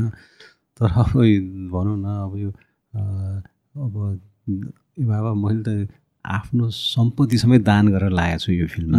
सो एक्ज्याक्टली यसको बारेमा एकचोटि भन्नुहोस् न तपाईँको फाउन्डेसनको बारेमा एकचोटि मलाई भन्नु त्यही त अघि मैले भने जस्तै अब यो युनेस्को अवार्ड पाएपछि चाहिँ म कहाँ चाहिँ अब धनको वर्षै हुन थाल्यो भन्दा नि हुन्छ किन भन्दाखेरि अब त्यो काम पा धेरै कामहरू आउनु थालेँ। अब त्यो मेरो चाहिँ भ्यालु यति बढ्दै गयो कि मैले जति मागेँ पनि अब मैले त्यो धेरै माग्दा पैसाको लोभ गरेर मागेँ होइन कि अब त्यो आफूले क्षमताले नभ्याउने भइसकेपछि त भाउ बढाएर नै त्यो डिमान्डलाई कन्ट्रोल गर्न खोजे हो। र त्यसको फाइदा चाहिँ के हो भन्दाखेरि म चालिस वर्ष पुगेपछि चाहिँ अब भनौँ मलाई त चाहिने भन्दा धेरै सम्पत्ति मसँग भयो होइन। त्यसले गर्दाखेरि चाहिँ अब म मेरो दिमागमा के आयो भन्दाखेरि एक त मसँग धेरै सम्पत्ति भयो होइन। हुन त कमाउनेलाई त जति कमाइ पुग्दो रहेछ यो देशमा होइन? सात पुस्तालाई नि कमाउनु पर्ने ठाउँ हो यो होइन? तर चाहिँ नि अनि प्लस अब मैले मेरो सङ्घर्ष त मलाई थाहा छ नि त होइन? तपाईँको चाहिँ तपाईँ इमेजिन गर्नुहोस् जति बेला मैले नमुना घर बनाउन सुरु गरेँ मलाई सध्य भन्ने मान्छे त कोही थिँदै थिएन। यो बौला आयो भन्थे धेरै बढेपछि खुसिन्छ भने हो रहेछ भन्थे यसलाई धेरै यसले पैसा चाहिँ झ्यालबाट फाल्दैछ भन्थे होइन? अब त्यो त्यो त्यति बेलाको सङ्घर्ष त मलाई थाहा छ नि त होइन? र अब मैले सङ्घर्ष गरेर जुन नलेज जुन चाहिने भनौँ न त्यो जति कुराहरू मैले रिभाइभ गरेँ त्यसलाई त अब इन्स्टिट्युसनलाइज त गरिदिनु पऱ्यो भन्ने सोच ममा आइरहन्थ्यो। र त्यो दुइटै कारणको तालमेल दुइटै कुराको तालमेल कसरी भयो त भन्दाखेरि मैले जति वर्ष म चालिस वर्षको पुगेँ टु थाउजन्ड टेनमा अनि मैले चाहिँ आफ्नो आत्ती सम्पत्ति चाहिँ दान गरेर मैले Rabindra Puri foundation for conservation भन्ने खोलेँ। त्यो फेरि मेरो नामको लोभले खोले होइन कि अब एउटा रोल मोडल भनिदिउँ रविन्द्र पुरी भने को रहेछ त के रहेछ अहिले के गराएर छ भन्ने कुरा एउटा न्यू जेनेरेसनलाई चाहिँ क्युरियोसिटी होस् उनीहरूले बुझुन् उनीहरूलाई चाहिँ मोटिभेसन होस् उनीहरूको लागि एउटा रोल मोडल बन्न सकौँ भन्ने हिसाबले नै मैले चाहिँ त्यो आफ्नै नाम दिएँ। फेरि अर्को भन्ने मान्छेले आफ्नै नाम दिएपछि त भनौँ न यसले चाहिँ गडबड गर्दैन भन्ने त्यो एउटा चाहिँ क्रेडिबिलिटी पाइयोस् पाउँछ पाइयोस् भन्ने हिसाबले गरेर त्यो पाइयो पनि। अनि त्यसपछि चाहिँ नि अब मैले अघि भन्नु खोजेँ के भन्दाखेरि म यसरी तन मन धन सबै दिएर लाग्दाखेरि पनि अब त्यो सपोर्ट गर्ने भन्दा पनि खुट्टा तानी नै धेरै हुँदो रहेछ नि त्यो त्यो मेन्टालिटी चाहिँ हाम्रो चेन्ज हुन एकदमै जरुरी छ। किन भन्दाखेरि ए बाबा अब मलाई त सपोर्ट गर्दैनन् भने अब अरूलाई कसले भनौँ राम्रो काम गर्ने भनौँ मैले त तन मन मात्र होइन धन पनि त दिएको छु नि त मैले। अब त्यस्तोलाई त सपोर्ट गर्दैन भने राम्रो तन मनले मात्र राम्रोसँग लागेकालाई त के सपोर्ट गर्न होइन?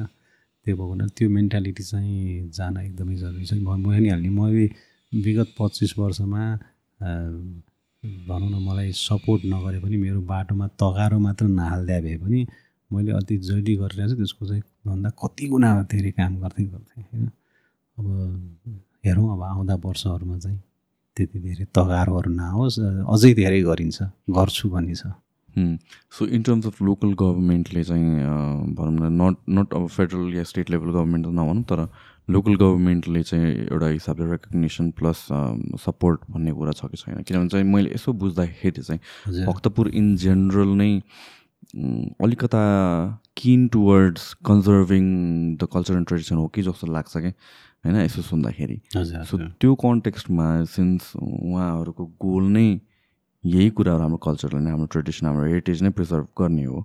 सो र तपाईँले जुन स्पेसली कल्चर र ट्रेडिसन भन्ने बित्तिकै आर्किटेक्चर त अफकोर्स आउँछ जुन तपाईँ काम गरिरहनु भएको छ भनेपछि डिरेक्ट सपोर्टहरू चाहिँ कस्तो छ होइन अब जस्तै भनौँ न अब अब नेपालभरिकै नि लोकल अथोरिटिजहरूलाई कम्पेयर गर्ने हो भने भक्तपुरले जति गरिरहेछ त्यति अरू कसैले गरेकै छैन। होइन त्यो चाहिँ हामी भक्तपुरीहरूलाई एकदमै गौरव गर्ने विषय हो होइन? र त्यही पनि अब भनौँ न अब योभन्दा नि अझ धेरै हुनु अब हामी भनौँ न असन्तुष्टि जा नभए स्पेसली म होइन। देश अझै त्योभन्दा पनि गर्न सक्ने अझ सकिन्थ्यो होला। होइन अब फेरि कस्तो छ भने यो अब अब मेरो आफ्नै कुरा गर्दै अब कहिले मलाई मजाले सपोर्ट भएको हुन्छ कहिले भइरहेको हुँदैन। अब त्यो के कति कारणले म बुझ्दा नि बुझ्दिनँ त्यो अब राजनीतिक कारणहरू पनि हुँदा हुन् होइन। तर मैले अब यसमा व्यक्तिगत हिसाबले लिन मिल्दैन। यो तर भनिहाल्ने नेपाल नेपालभरिकै कम्पेयर गर्ने हो भने भक्तपुरले जति गरिरहेछ त्यो अरू कसैले गरेकै छैन। र फेरि अब यो ट्यान्जिबल हेरिटेज जति इम्पोर्टेन्ट हो इन्टेन्जिबल हेरिटेज पनि त्यति नै इम्पोर्टेन्ट हो होइन? त्यो भक्तपुर नगरपालिकाले इन्टेन्जिबल हेरिटेज चाहिँ प्रिजर्भ र प्रमोट गर्न जति गरेको छ त्यो एकदमै त्यो त भनिहाल्ने मेरो त त्यो कुराप्रति त मेरो भित्री आत्मादेखि नै म गदगद हुन्छु किन भन्दाखेरि तपाईँको जस्तै युरोपको समस्या के छ भन्दाखेरि हामी भन्दा पनि राम्रा ट्यान्जिबल हेरिटेज होलान् उनीहरूका। तर समस्या के छ भन्दाखेरि त्यो चाहिँ एक किसिमको देश छ कि। तर त्यो किन किन त भन्दाखेरि इन्टेन्जिबल हेरिटेज नभइदा हुनाले जस्तै तपाईँलाई म सिम्पल उदाहरण दिन्छु। तपाईँको चाहिँ नि अब जस्तै भनौँ न अब त्यहाँका पुराना सहरहरूमा चाहिँ नि बाजा बजाउनेलाई पनि महिनाको तिन चार हजार युरो दिएर राखेको हुन्छ। आफ्नो ट्रेडिसनल ड्रेस लाउनेलाई पनि महिनाको तिन चार हजार युरो दिएर राखेको हुन्छ। त्यो हिसाब गर्ने हो भने त भक्तपुरमा त डेली अरबौँ रुपियाँ चाहिँ घुमिरहेको हुन्छ। होइन? भन्न खोजेको के हो त भन्दाखेरि त्यो स्वस्फूर्त रूपमा होइन? स्वस्फूर्त रूपमा यति धेरै इन्टेन्जिबल हेरिटेज भक्तपुरसँग छ। त्यो सायद मलाई चाहिँ संसारभरि कहीँ छ जस्तै लाग्दैन होइन? अब त्यसलाई चाहिँ अब भनौँ न त्यो इन्टेन्जिबल टेन्जिबल हेरिटेजलाई दुइटैलाई चाहिँ मजाले प्रमोट गरेर अब सबभन्दा ठुलो कुरो हामीले चाहिँ भक्तपुरलाई त अब भेहिकल फ्री बनाउनु पर्छ पर्छ। भेहिकल भे भक्तपुरलाई भेहिकल फ्री बनाएर चाहिँ टेन्जिबल इन्टेन्जिबल हेरिटेजको राम्रो मिलेमतो हुनु हो भने संसारकै उत्कृष्ट सहर भनेर हामीले भन्न सक्ने दिन चाहिँ धेरै टाढा छैन। सो भेहिकल फ्री बनाउने भनेर पनि कुराहरू निस्किएको छ? निस्किएको छ र अलिअलि प्रयास पनि भइरहेछन् कस्तो कोर एरियामा? पहिला त जस्तै तपाईँको कोर जुन मेन त्यो संरक्षित क्षेत्रमा चाहिँ बिहान आठ बजीदेखि बेलुका आठ बजीसम्म भेहिकल फ्री बनाइएको थियो होइन? अब त्यो भूकम्पपछि चाहिँ त्यो टु टुटेको टुट्या टुटे स्थितिमा छ। अब यो सायद अब त्यति अब मलाई त सजिलै छ जस्तो लाग्छ। पाइँदैन भने चाहिँ पाइँदैन भन्नु मिल्थ्यो होला होइन? अब तर अब त्यही पनि त्यो भइरहेको त गरिसक्नु रहेको स्थिति छैन। तर भनिहाल्यो नि अब त्यो प्रयास चाहिँ भइरहेछ। अब उदाहरणको रूपमा त्यो त्यो दत्तात्रेय क्षेत्रमा त्यो त्यो यति धेरै पार्किङ हुन्थ्यो कि त्यो एकदम मन नै कुडिन्थ्यो कि त्यस्तो राम्रो ठाउँमा चाहिँ अब गाडीहरू पार्किङ गरेर राख्या हुन्थ्यो र अब त्यहाँका हाम्रा वडाधीशज्यूले यति राम्रो प्रयास गर्नु हो कि त्यो अहिले भनौँ न अब त्यो दत्तात्रेय स्क्वायर चाहिँ पार्किङ फ्री भएको छ र अब यसरी नै बिस्तारै बिस्तारै जस्तै अब आजभोलि नै एउटा नयाँ कुरा राम्रो कुरा सुन्यो त्यो के भन्दाखेरि भक्तपुरमा चाहिँ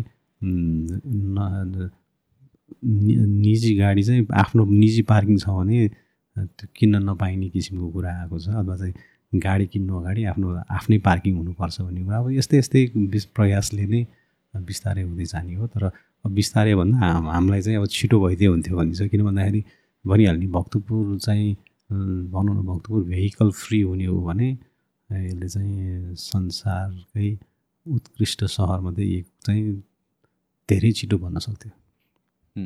सो तपाईँको स्कुलमा जाँदा मैले नोटिस गरेको भने रेप्लिका मूर्तिहरू थुप्रै थियो होइन। मूर्ति चोरीको कुरा के? जुन नेपालमा यो बेला बेला पनि सुनिराखेको हुन्छ। सो यो जुन मूर्ति चोरीको कुरा छ यो पहिलाको मूर्तिहरू चोरी थुप्रै भएको छ नि त। त्यो त्यो अहिले पनि हुन्छ? हुन्छ दुर्भाग्यवश। होइन जस्तै अब अब यो चाहिँ भनौँ न यो यो माफिया चाहिँ यति ठुलो रहेछ कि होइन? अब त्यो मलाई त के लागेको थियो भने गणतन्त्र आएपछि चाहिँ मूर्ति चोरी हुँदैन कि भन्ने जस्तो लागेको थियो तर दुर्भाग्यवश त्यो चाहिँ हुन सकेन। अझै पनि चोरी भइरहेछन् होइन? अब यसमा चाहिँ मैले देखेको एउटै मात्र आश के छ भन्दाखेरि त्यो कम्युनिटी नै हो। कम्युनिटी आफै नै चाहिँ जागृत भएर लाग्ने हो भने चाहिँ। बस्न सक्छ होइन? अनि चाहिँ नत्र भने चाहिँ अब यो जोगिन सक्ने स्थिति मैले देखाएको छैन र त्यही भएर नै जस्तै मैले कस्तो राम्रो कुरा उठाउनु हो अब मैले नमुना घर बनाएपछि के कुरा रियलाइज गरेँ भन्दाखेरि यो देशमा कमी भनेकै अवेरनेसको कमी रहेछ होइन? जस्तै अब त्यो मैले नमुना घर बनाउँदै गर्दाखेरि मलाई जसले चाहिँ त पागल भइस भन्नुभएको व्यक्तिले नै पाँच छ वर्षपछि ए मेरो घर पनि रिस्टोर गर्नु पऱ्यो भन्न आउनुभयो मलाई। होइन? किन भन्दाखेरि मैले सुरु गर्दाखेरि उहाँहरूले बुझ्नु भएन। तर पछि बुझि बुझिसकेपछि ए मेरो पनि रिस्टोर गर्नु पऱ्यो भनेर उहाँ आउनुभयो। भनेपछि त्यो अवेरनेस नभएर नै चाहिँ धेरै नाश भएको हाम्रो। र त्यसपछि चाहिँ अब मैले त्यो अब मैले भनौँ नमुना गरेर टु थाउजन्डमा चाहिँ कम्प्लिट भएको हो र मैले त्यसको इम्प्याक्ट चाहिँ धमाधम देख्न थालिसकेको थिएँ। र एट द सेम टाइम मैले के पनि देखेँ भन्दाखेरि अब आर्ट थेफ्ट होइन मूर्ति चोरी पनि एउटा धेरै ठुलो समस्या रहेछ यो देशमा भन्ने कुरा बिस्तारै देख्दै जान थालेपछि।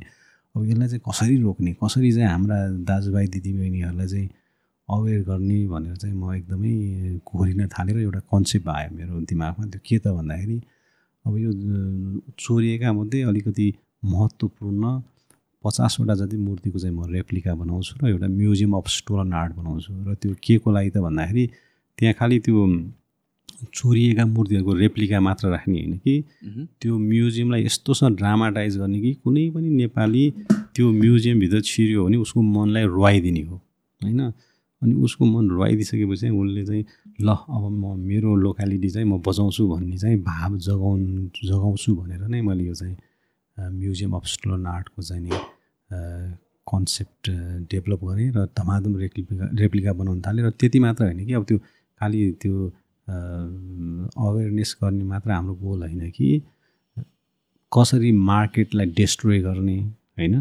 अथवा कसरी चाहिँ हाम्रो चोरिएर गइसकेका चिजहरूलाई चाहिँ रिप्याट्रिएट गर्ने भनेर चाहिँ म चाहिँ भनौँ न अब वास्तवमा आजभन्दा बिस वर्ष अगाडिदेखि मैले यो क्याम्पेनमा लागेँ हुँ र अब अहिले खुसीको कुरा के छ भन्दाखेरि अब अहिले चाहिँ धेरैजना नै अब यसमा चाहिँ हामी मिलेर लागिरहेछौँ र यो विगत दुई तिन वर्षमा त हामीले करिब करिब तिस चालिसवटै मूर्तिहरू चाहिँ फिर्ता ल्याइसकेका छौँ। सो मूर्तिहरू इन द फर्स्ट प्लेस चोरी हुन्छ नै कसरी त? अनि यो चाहिँ अब अब जेनरलाइज गर्नु त मिल्दैन त। धेरै जसो कस्तो हुन्छ भन्दाखेरि तपाईँको उताका प्राइभेट कलेक्टर अथवा म्युजियमहरूले नै अर्डर नै गर्ने हो एक किसिमले। मलाई हामीलाई चाहिँ यो मूर्ति चाहियो अथवा यस्तो मूर्ति चाहियो भनेर त्यो चाहिँ अर्डर नै गर्छन्। अनि त्यही त हो नि अब यहाँका मान्छे नमिलिकन त कहाँबाट चोरी हुन्थ्यो र होइन? अब जस्तै तपाईँले मूर्तिहरू देखाउँदै हुनुहुन्छ त्यहाँ अब हामीले बनाएको रेप्लिका कतिपय मूर्तिहरू कस्तो छ भने छ सात आठजना मान्छेले उचाल्नु पर्ने मूर्तिहरू छन्। हामीले बनाएका रेप्लिकाहरू। अनि त्यो उचाल्दा उचाल्दै जस्तै अब हामीले त्यो एक्जिबिसन गर्ने क्रममा त्यो अनि म त्यो छ सातजना मिलेर चाहिँ उचालिराखेको जस्तो यही नै मूर्ति हो जुन चाहिँ हामी चाहिँ सातजना मान्छेले उचालेर माथि राखेको हो। कसरी चोरी हुन्छ भन्नुहोस् त यति यति गरौँ त्यो काखी मुनि च्यापेर लाने त होइन यो त होइन यो एज अ होल नै गएको एज ए होल नै होइन? अब त्यो चाहिँ अब तपाईँ आफै अनुमान लगाउनुहोस् को को मात्र मिल्या हुनुपर्छ सात भनौँ सातजनाले उठाउनु पर्ने मूर्ति यहाँबाट चाहिँ पाश्चात्य मुलुकसम्म पुग्नको लागि को को मात्र इन्भल्भ भएको हुनुहुन्छ तपाईँ आफै गेस गर्नुहोस् होइन। यो चाहिँ नि अब भनिहाल्ने अब यो बचाउनु सक्ने एउटै मात्र आधार के छ त भन्दाखेरि स्थानीय बासिन्दाहरू तात्नु पऱ्यो होइन। अझै पनि त्यति धेरै चोरी भइसकेर पनि हामी कहाँ प्रशस्तै अझै बाँकी छन् होइन। त्यो बाँकी भएकालाई मात्रै जोगाउनु सक्यो भने पनि धेरै ठुलो कुरा हो होइन। एउटा त्यो हो तर त्यतिमै हामी चुप लाएर बस्नेवाला छैनौँ। हामीले चाहिँ भनौँ न अब हामीलाई खुसीको कुरा के छ भन्दाखेरि मार्केट चाहिँ समाव अलिकति डिस्ट्रोय भइसकेको छ। अब मान्छेले पहिला चाहिँ जुन पाए त्यही मूर्ति किन्दैनन् होइन? पहिला चाहिँ सबै स चोर्न पनि सजिलो थियो किन्न पनि सजिलो थियो। अब हाम्रो क्याम्पेनले गर्दाखेरि त्यो स्थिति त्यति रहेन होइन? अलिकति अब त्यो मान्छेहरू किन्नलाई पनि हस्किन थालेका छन् किनभने त्यो उनीहरूले त धेरै जसले लास्ट बायरले त थुप्रै पैसा खर्च गरे हुन्छ नि त्यो किन्नलाई। तर उसले हाम्रो युनेस्को कन् कन्भेन्सन अनुसार हामीले त्यो चाहिँ हामी कहाँबाट चोरी भएको हो भनेर हामीले प्रमाणित गरेर देखाएपछि त्यो उनीहरूले बाध्य भएर फिर्ता गर्नुपर्छ पर्छ। सो अनि उसले कम्पन्सेसन पाउँदैन फेरि? पाउँदैन पाउँदैन अझ अब हाम्रो त हाम्रो डिमान्ड त के छ भन्दाखेरि फिर्ता गरेर मात्रै पुगेन। त्यो चोरी कसरी चाहिँ कहाँबाट कसरी चोरी भयो त्यो सबै चाहिँ कठघरामा आउनुपर्छ भन्ने हाम्रो डिमान्ड हो होइन? तर चाहिँ अब त्यो अहिलेसम्म हुन सकेको छैन। सायद त्यो पनि कुनै दिन हुन्छ। अहिलेसम्म चाहिँ फिर्ता आउन चाहिँ थालेको छ। तर अब त्यसमा इन्भल्भ भएको मान्छेहरूलाई तान्ने चलन चाहिँ आइसकेको छैन। तर हाम्रो डिमान्ड चाहिँ के हो भन्दाखेरि त्यो फिर्ता गरेर मात्र मा चोखिन पाइँदैन। यो त चोरी हामी यो त क्राइम हो नि होइन? क्राइम गरेपछि त पनिसमेन्ट त हुनु पऱ्यो नि त। त्यो त यो यो लुप होल क्लोज त हुनै पर्ने नत्र त फेरि यहाँबाट त त्यो अर्को लुप होल जस्तो युज गर्ला नि त बेच्यो अनि त्यसपछि फेरि लास्टमा पैसा पनि लियो मूर्ति पनि फिर्ता। त्यस्तै गर्नु थाल्यो भने त पछि। त्यही त त्यही भएर चाहिँ अब हामीले चाहिँ यो फिर्ता भएपछि पनि हामी चुप लगाएर बस्दैनौँ। यो चाहिँ यो चाहिँ लहरो चाहिँ तान्नै पर्छ भनेर फेरि अहिले खुसीको कुरा के छ भन्दाखेरि अब अहिले हामी स्वदेशी मात्र होइन कि धेरै विदेशी जर्नलिस्टहरू एक्टिभिस्टहरू पनि स्कलरहरू पनि यसमा लागिदिनु भएको छ। त्यसले गर्दाखेरि चाहिँ नि यो कुनै न कुनै दिन अब त्यो लहरो चाहिँ तानिन्छ भन्ने आश छ हामीलाई। सो इन जेनरल अब आई डोन्ट यो नम्बर्स कतिको गर्न सकिन्छ। तर नेपालमा कतिवटा मूर्ति जति चोरी भएको छ जस्तै अब भनिहाल्ने अब मेरो आफ्नो कलेक्सनमै थाउजन्ड प्लस फोटोहरू भइसक्यो मसँग चोरी भएको मूर्तिहरूको जुन फर्केर आएको छैन। अलिअलि फर्किँदैछ नि त माधव। होइन अब तपाईँको कस्तो छ भने अब त्यो अब thanks to social media and thanks to भनौँ न अब गुगल हामीले चाहिँ अब त्यो एकचोटि कहीँ न कहीँ चाहिँ एक्सपोज भइसकेको मूर्ति चाहिँ हामी त्यो पत्ता लगाउन सक्छौँ। कहाँ थियो कस कसको कसको ओनरसिपमा छ भनेर। तर त्यो बाहेक त कति त्यो गोप्य त कति छन् कति छन् होला। होइन त्यो भएको हुनाले प्राइभेट कलेक्सनहरूमा कलेक्सनहरूमा होइन त्यस कारण चाहिँ भनौँ न अब फेरि कस्तो छ भन्दाखेरि कुनै पब्लिक ठाउँबाट चोरी भयो भने पो त्यसको हल्ला हुन्छ चोरी भयो भने थाहा हुन्छ। अब कति कयौँ चाहिँ नि मूर्ति आर्टिफ्याक्टहरू त त्यो भित्रभित्रबाटै भनौँ न त्यो जस्तै अब हाम्रो आगम छे भन्ने हुन्छ अब त्यहाँभित्र त के छ कसो हुन्छ भन्ने कुरा त्यो दुई चारजना मान्छेलाई मात्रै थाहा हुन्छ। अब त्यस्तो ठाउँबाट कुनै चिज गयो भने त त्यो कसैलाई थाहा पत्तै हुँदैन। होइन अब अहिले पनि जस्तै हामीलाई परिरहेको समस्या के छ भन्दाखेरि अब अब त्यो हाम त्यो अब्जेक्ट देख्ने बित्तिकै यो हाम्रो हो भन्ने हामीलाई थाहा भइसकेको हुन्छ तर कहाँको हो भनेर हामीले प्रमाणित गर्न नसकेछौँ। उसै प्रमाणित गर्दाखेरि त उनीहरूले फिर्ता गर्न गाह्रो गरिरहेछन् होइन? झन् त्यो प्रमाणित नभएको कुरा त उनीहरूले फिर्ता गर्ने कुरै भएन। त्यस कारण चाहिँ अझै पनि हामीले धेरै अनुसन्धान अब गरेर भनौँ न आउँदा दिनहरूमा चाहिँ नेपालबाट जति चोरी भएर गएका छन् त्यसलाई चाहिँ फिर्ता गर्नुपर्ने अझै थुप्रै नै बाँकी छ। सो फिर्ता गर्ने प्रोसेस कतिको गाह्रो छ र? एकदमै गाह्रो अनि अब अहिले चाहिँ अलिकति सजिलो भयो जस्तै अब म तपाईँलाई मेरो पहिलो प्रयासको कुरा सुनाउँछु। मैले चाहिँ जस्तै टु थाउजन्ड थर्टिनमा चाहिँ हाम्रो राष्ट्रिय अभिलेखालयबाटै हराएका चारवटा आर्ट फ्याक्ट चाहिँ न्युयोर्कको क्रिस्टिजमा चाहिँ अक्सन हुन लागेको थियो र मलाई त्यहाँ मेरा चाहिँ भनौँ अमेरिकन स्कलरले मलाई त्यो खबर गरेपछि किनभने उहाँलाई थाहा थियो म यो फिल्डमा चाहिँ लागे लागेको छु भनेर। अनि त्यसपछि हामीले यस्तो मजाले क्याम्पेन गऱ्यौँ कि त्यो चाहिँ नि भनौँ त्यति बेला टु थाउजन्ड थर्टिनको कुरा हो यो। टु थाउजन्ड थर्टिनमा क्रिस्टिजमा अक्सन गर्न लागेको अब्जेक्टहरू चाहिँ त्यो अक्सनै रोक्न सक्नु भनेको धेरै ठुलो कुरा थियो त्यो। त्यति सम्भव थियो त्यो हाम भनौँ मेरो लागि त पहिलो सफलता नै थियो त्यो। र चाहिँ अब अक्सन त रोकियो अनि त्यो ज जो जो त्यो क्याम्पेनमा लाग्नु भएको थियो उहाँहरूले चाहिँ ल अब now ball is in your hand भन्नु भन्नु किन भन्दाखेरि अब यो त अब यो फिर्ता ल्याउनलाई चाहिँ त चाहिँ इन्टरपोल थ्रु चाहिँ लाग्नुपर्छ भनेर चाहिँ उहाँले भन्नुभयो र त्यो अब म चाहिँ भनौँ नेपालको इन्टरपोलमा पुगेँ। अब त्यहाँ चाहिँ भन्नु एउटा पुलिस रिपोर्ट नै राखिएको रहन्छ अब त्यो त्यो सामान हराएर उहाँ पुगिकन अक्सन हुने स्थितिमा पुगि गइसक्यो। त्यो भने पा करिब करिब पाँच सात वर्षैको ग्याप भइसक्यो हुनुपर्छ। त्यति जेलसम्म पनि त्यो हराएको चिजको चाहिँ एउटा पुलिस रिपोर्ट समेत राखिएको हुन्छ होइन अब त्यो फेरि रिपोर्ट नै गर्न नआएको मान्छे। ओके। प्लान नै हो भने देखिन्छ। होइन अब त्यो भन्यो भने भित्रकै मान्छे इन्भल्भ हो किन भन्दाखेरि त्यो चाहिँ फेरि त्यो अब्जेक्टहरू कस्तो थियो भन्दाखेरि त्यो हाम्रो मनुस्क्रिप्टको चाहिँ गाता हो कि त्यो चाहिँ कभर अनि त्यो चाहिँ भ्यालुएबल किन थियो त भन्दाखेरि गा त्यो टुवेल्भ सिन सेन्चुरीको हो भ्यालुएबल त थियो नै। तर त्योभन्दा महत्त्वपूर्ण कुरा के थियो भने त्यसमा पेन्टिङ भएको थियो कि होइन जस्तै हामीसँग चाहिँ अब पुरा लिच्छिवीकालदेखिका मूर्तिहरू हामीसँग प्रशस्तै छन् तर पेन्टिङहरू चाहिँ छैन हामीसँग होइन? त्यो भएको हुनाले टुवेल्भ सेन्चुरीको नेपाली पेन्टिङ भनेको त त्यो धेरै नै भ्यालुएबल कुरा हो र त्यो जानेकै बुझेकै मान्छेहरू नै लागेर चाहिँ त्यो राष्ट्रिय अभिलेखालयबाट गायब भएको हो त्यो। र चाहिँ नि अब त्यो चाहिँ नि भनौँ न अब इन्टर पुलिस रिपोर्ट नै राखेको थिएन। पुलिस रिपोर्ट राखियो फेरि एभिडेन्स नै राखिएको रहेछ। म मसँग प्रशस्त एभिडेन्सहरू थियो। त्यो सबै मैले चाहिँ इन्टरपोलमा बुझाएँ। त्यसपछि अब नेपालको इन्टरपोलबाट Interpol head quarter France Interpol head quarter फ्रान्सबाट Interpol USA Interpol युएसएबाट एफबिआई गरेर अनि एफबिआईले बल्ल क्रिस्टिजमा गएर इन्टरभेन गरेर अनि त्यो चाहिँ हाम्रो वासिङटन डिसीको एम्बेसीलाई नेपाली एम्बेसीलाई बुझाइदियो।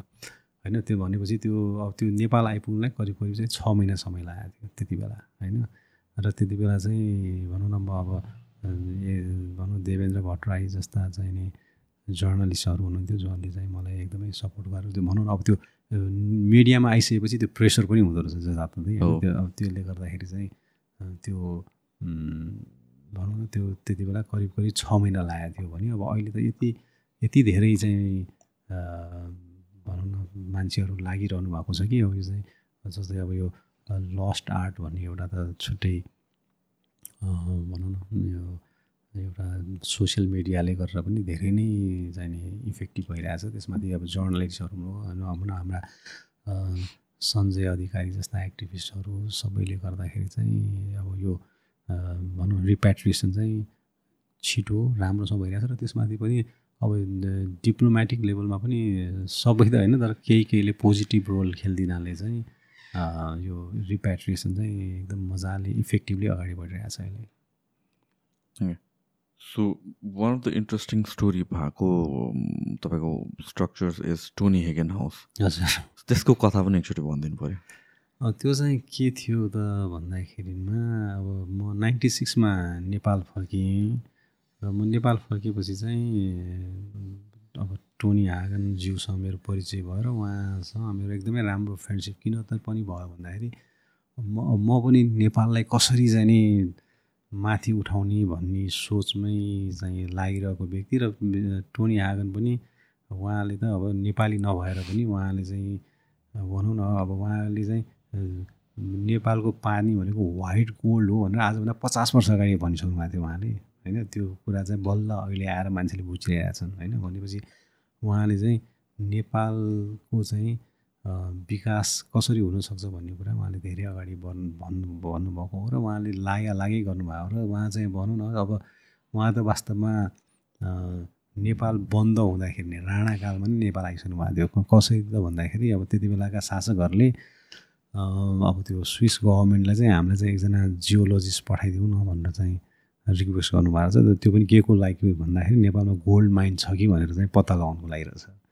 र त्यति बेला चाहिँ अब टोनी हागन नेपाल आइपुग्नु हो अब उहाँ चाहिँ अब एउटा जियोलोजिस्टको एउटा यङ जियोलोजिस्ट भएर आउनुभएको थियो नेपालमा र उहाँ he felt in love with Nepal. उनले त त्यो उहाँले आफ्नो जियोलोजिकल काम पनि गर्नुभयो र त्योभन्दा त उहाँ चाहिँ नेपालको नेचर कल्चर यहाँको डाइभर्सिटीबाट उहाँ यस्तो मन्त्रमुग्ध हुनुभयो कि उहाँ चाहिँ भनौँ नेपालमा धेरै लामो समय बस्नुभयो र बस्नु मात्रै भएन कि जस्तै अब उहाँको विभिन्न कृतिमध्ये उहाँको नेपाल भन्ने किताब नै यस्तो कृति हो जसले चाहिँ हाम्रो मुलुकलाई वेस्टर्न वर्ल्डमा चिनायो।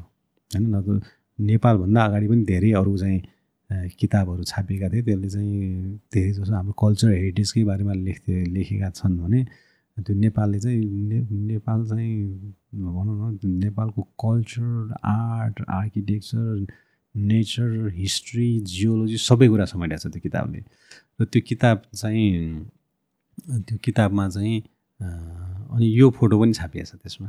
कारण के त भन्दाखेरि अब नेपालमा पनि अग्लिनेस नै सुरु भइसक्यो भने जस्तै यो चाहिँ नेपालकै one of the first cement house थियो र चाहिँ अब त्यो घरको वरिपरि चाहिँ सबै मल्लकालीन घर अनि त्यो एउटा चाहिँ सिमेन्टेड घर भएपछि उहाँलाई यति खड्क्यो कि त्यो नेपाल भन्ने किताबमा चाहिँ उहाँले नाइन्टी नाइन पर्सेन्ट कुरा चाहिँ नेपाललाई प्रेज गरेर लेख्नु भएको छ र यो नै मात्र उहाँकोलाई चाहिँ रिस उठेको विषय थियो। अनि त्यो मैले त्यो अनि उहाँ उहाँसँग फ्रेन्डसिप भएपछि उहाँले मलाई यो किताब प्रेजेन्ट पनि दिनुभयो र अनि मैले त्यो किताब यसो पल्टाउँदै हेरेँ। हेर्दाखेरि त ठ्याक्क यो घर देखेपछि मेरो मेरो दिमागमा के आयो भने यो घरलाई चाहिँ ट्रान्सफर्म ट्रेडिसनल स्टाइलमा ट्रान्सफर्म गरिदिने हो भने त उहाँ कति खुसी हुनुहुन्थ्यो होला भनेर चाहिँ मेरो दिमागमा सोच आयो र त्यो घरको बारेमा यसो इन्क्वायरी गरेको त त्यो सेलमा रहेछ त्यो घर त्यो घर मैले किनेँ र किनेपछि चाहिँ अनफर्चुनेटली उहाँ चाहिँ टु थाउजन्ड थ्रीमा बित्नुभयो र उहाँ बिते पनि मैले चाहिँ त्यो घरलाई चाहिँ नभत्काइकन नभत्काइकन त्यसलाई ट्रान्सफर्म गरेँ र अनि उहाँले चाहिँ भनौँ न टोनी हागनले वास्तवमा आफ्नो सबै जीवन नै नेपालकै लागि बिताउनु भयो उहाँले। र त्यही भएर मैले चाहिँ अब यो घर चाहिँ उहाँलाई नै डेडिकेट गर्छु भनेर मैले यो घरको नामै टोनी हागन हाउस भनेर राख्थेँ। तर उहाँले हेर्नु पाउनु भएन हेर्नु पाउनु भएन तर उहाँका छोरीहरू आएर त उहाँको छोरीहरूले त त्यो देखेपछि आँसु नै तरक्क चुहाउनु भयो। किन भन्दाखेरि अब उनीहरू उहाँलाई त थाहा छ नि उहाँले चाहिँ आफ्नो सम्पूर्ण जीवन नै नेपालको लागि चाहिँ अर्पण गर्नुभएको थियो र त्यसको कदर भएको उहाँले देख्नु भएर उहाँ चाहिँ एकदमै खुसी नै हुनुभएको थियो। सो यो यो रिकन्स्ट्रक्ट गर्नलाई चाहिँ कति टाइम लाग्यो? यो पनि करिब करिब मैले एक वर्षमै सिद्ध्याएको हो यो चाहिँ। रिकन्स्ट्रक्ट होइन कि यो चाहिँ ट्रान्सफर्म भनौँ न यो ट्रान्सफर्म भन्नाले त्यो चाहिँ अब भनौँ न सिमेन्टेड घरलाई चाहिँ मैले सक्दो जस्तै अब मैले त्यो अगाडिको घर मात्र होइन कि पछाडि घर पनि किनेँ पछाडिको घर चाहिँ राणा शैलीमा थियो र त्यही भएर मैले यो घरलाई पनि राणा शैलीकै चाहिँ नि स्वरूप दिएँ होइन? र चाहिँ भनौँ न ब्रिक एक्सपोज गरेँ सबै कुराहरू काठमा बनाएँ। पहिला चाहिँ अब सिमेन्ट ढलानमा त भएको चिज जति सबै चाहिँ हटाएर अथवा छोपेर चाहिँ यसलाई चाहिँ हेर्दाखेरि नेपाली शैलीको देखिने बनाएँ यसलाई। सो अब इन जेनरल अब लेट्स टक अबाउट लाइक पोलिसिजहरू नेपालमा हुनुपर्ने चाहिँ के हो to promote this kind of एउटा हिसाबले आर्किटेक्चरहरूदेखि लिएर कल्चरहरू प्रमोट गर्नको लागि? के गर्न सकिन्छ होला होइन जस्तै अब भनौँ न अब त्यो चाहिँ हरेक लेभलमा हुनु पऱ्यो कि गभर्मेन्ट होइन स्थानीय निकाय र हामी जनसमुदायले पनि के बुझ्नु पऱ्यो भन्दाखेरि हामी चाहिँ आर्ट कल्चर नेचरमा एकदमै धनी छौँ। फेरि यो आर्ट कल्चर नेचर भनेको त्यो जतिसुकै पैसा खर्च गरे पनि त्यो किन्न सकिने अथवा त्यो चाहिँ भनौँ त्यो त्यो चाहिँ पुनर्जीवित गर्न सक्ने कुरै होइन यो होइन? त्यस कारण चाहिँ हामी यति धनी छौँ होइन? यसलाई चाहिँ हामीले पहिलो कुरा प्रिज प्रिजर्भ गर्नु पऱ्यो र दोस्रो कुरा यसलाई प्रमोट गर्नु पऱ्यो किन भन्दाखेरि हाम्रो आइडेन्टिटी भनेकै यही हो। हामी जस्तै अब हामी कहाँ चाहिँ अब एउटा भनौँ राम्रो ट्रेन्ड के आइसकेको छ भन्दाखेरि हामी कहाँ विभिन्न जात जातिहरू हुनुहुन्छ र उहाँहरूले चाहिँ आफ्नो वेशभूषा अथवा आफ्नो चाहिँ खाना चाहिँ जोगाउने त्यसलाई प्रमोट गर्ने त्यो चाहिँ एकदम राम्रोसँग अगाडि बढिसकेको छ। तर त्यो मात्र भएर पुगेन। घर पनि त चाहिँ हाम्रो शैलीको हुनु पऱ्यो होइन? हाम्रो शैलीको लुगा लगाएर मात्र त भएन नि त होइन? त्यस कारण चाहिँ नि आफ्नो शैलीको आर्किटेक्चरलाई पनि जोगाउनु पऱ्यो होइन? त्यो चाहिँ हाम्रो आइडेन्टिटी हो होइन? अब देशभित्रकै कुरा गर्ने हो भने हाम्रो जुन एउटा डाइभर्सिटी छ त्यसलाई पनि हाम्रो देशकै लागि पनि जोगाउनु पऱ्यो र त्यो हामीले चाहिँ अब यो संसारभरि नै हामीले चाहिँ प्राउड गर्ने हामीले फुर्ती गर्ने विषय भनेकै हाम्रो आफ्नो आइडेन्टिटी हो र त्यसलाई चाहिँ अब जोगाउन चाहिँ हरेक क्षेत्रबाट लाग्ने हो भने हाम्रो देश त संसारकै सबभन्दा एट्र्याक्टिभ देश हुनसक्छ Rabindraji thank you so much for your time and thank you so much for all the work hopefully तपाईँको कामहरू हेरेर योबाट धेरैजना इन्सपायर्ड हुन्छ र यसमा हामीले we can make a future definitely यो कुरा गरे जस्तो। एनिथिङ एट लास्ट के सेयर गर्नु मन छ भने प्लिज त्यही हो अब भनिहाल्ने मैले जे बुझाएको छु त्यो बुझाउने कोसिस गरिरहेको छु त्यो के हो भने हाम्रो देश वास्तवमा स्वर्ग नै हो। यो मेरो खोक्रो राष्ट्रवाद होइन यो चाहिँ रियालिटी नै हो होइन। हाम्रो देश स्वर्ग जस्तै नै छ र यसलाई चाहिँ सरी यसलाई चाहिँ हामी सबै मिलेर हरेक क्षेत्रमा होइन यो एउटा जेनेरेसनले दुःख गर्नु पऱ्यो कि हाम्रो कुनै पनि हामी कहिले पनि अर्काको अधीनमा नि बसेनौँ होइन? हामीलाई एकसा खान कहिले पनि गाह्रो पनि भएन। त्यसले गर्दाखेरि हामीले दुःख पनि गरेनौँ। दुःख पनि भएन हामीलाई। तर अब अब चाहिँ दुःख गर्ने बेला आएको छ। त्यो भने के त भन्दाखेरि भनौँ देशलाई फर्स्ट प्रायोरिटीमा राख्न सकेनौँ भने कमसेकम सेकेन्ड प्रायोरिटीमा त राखौँ कमसेकम थर्ड प्रायोरिटीमा त राखौँ होइन? त्यस कारण चाहिँ त्यो देशलाई चाहिँ प्रायोरिटीमा राखेर चाहिँ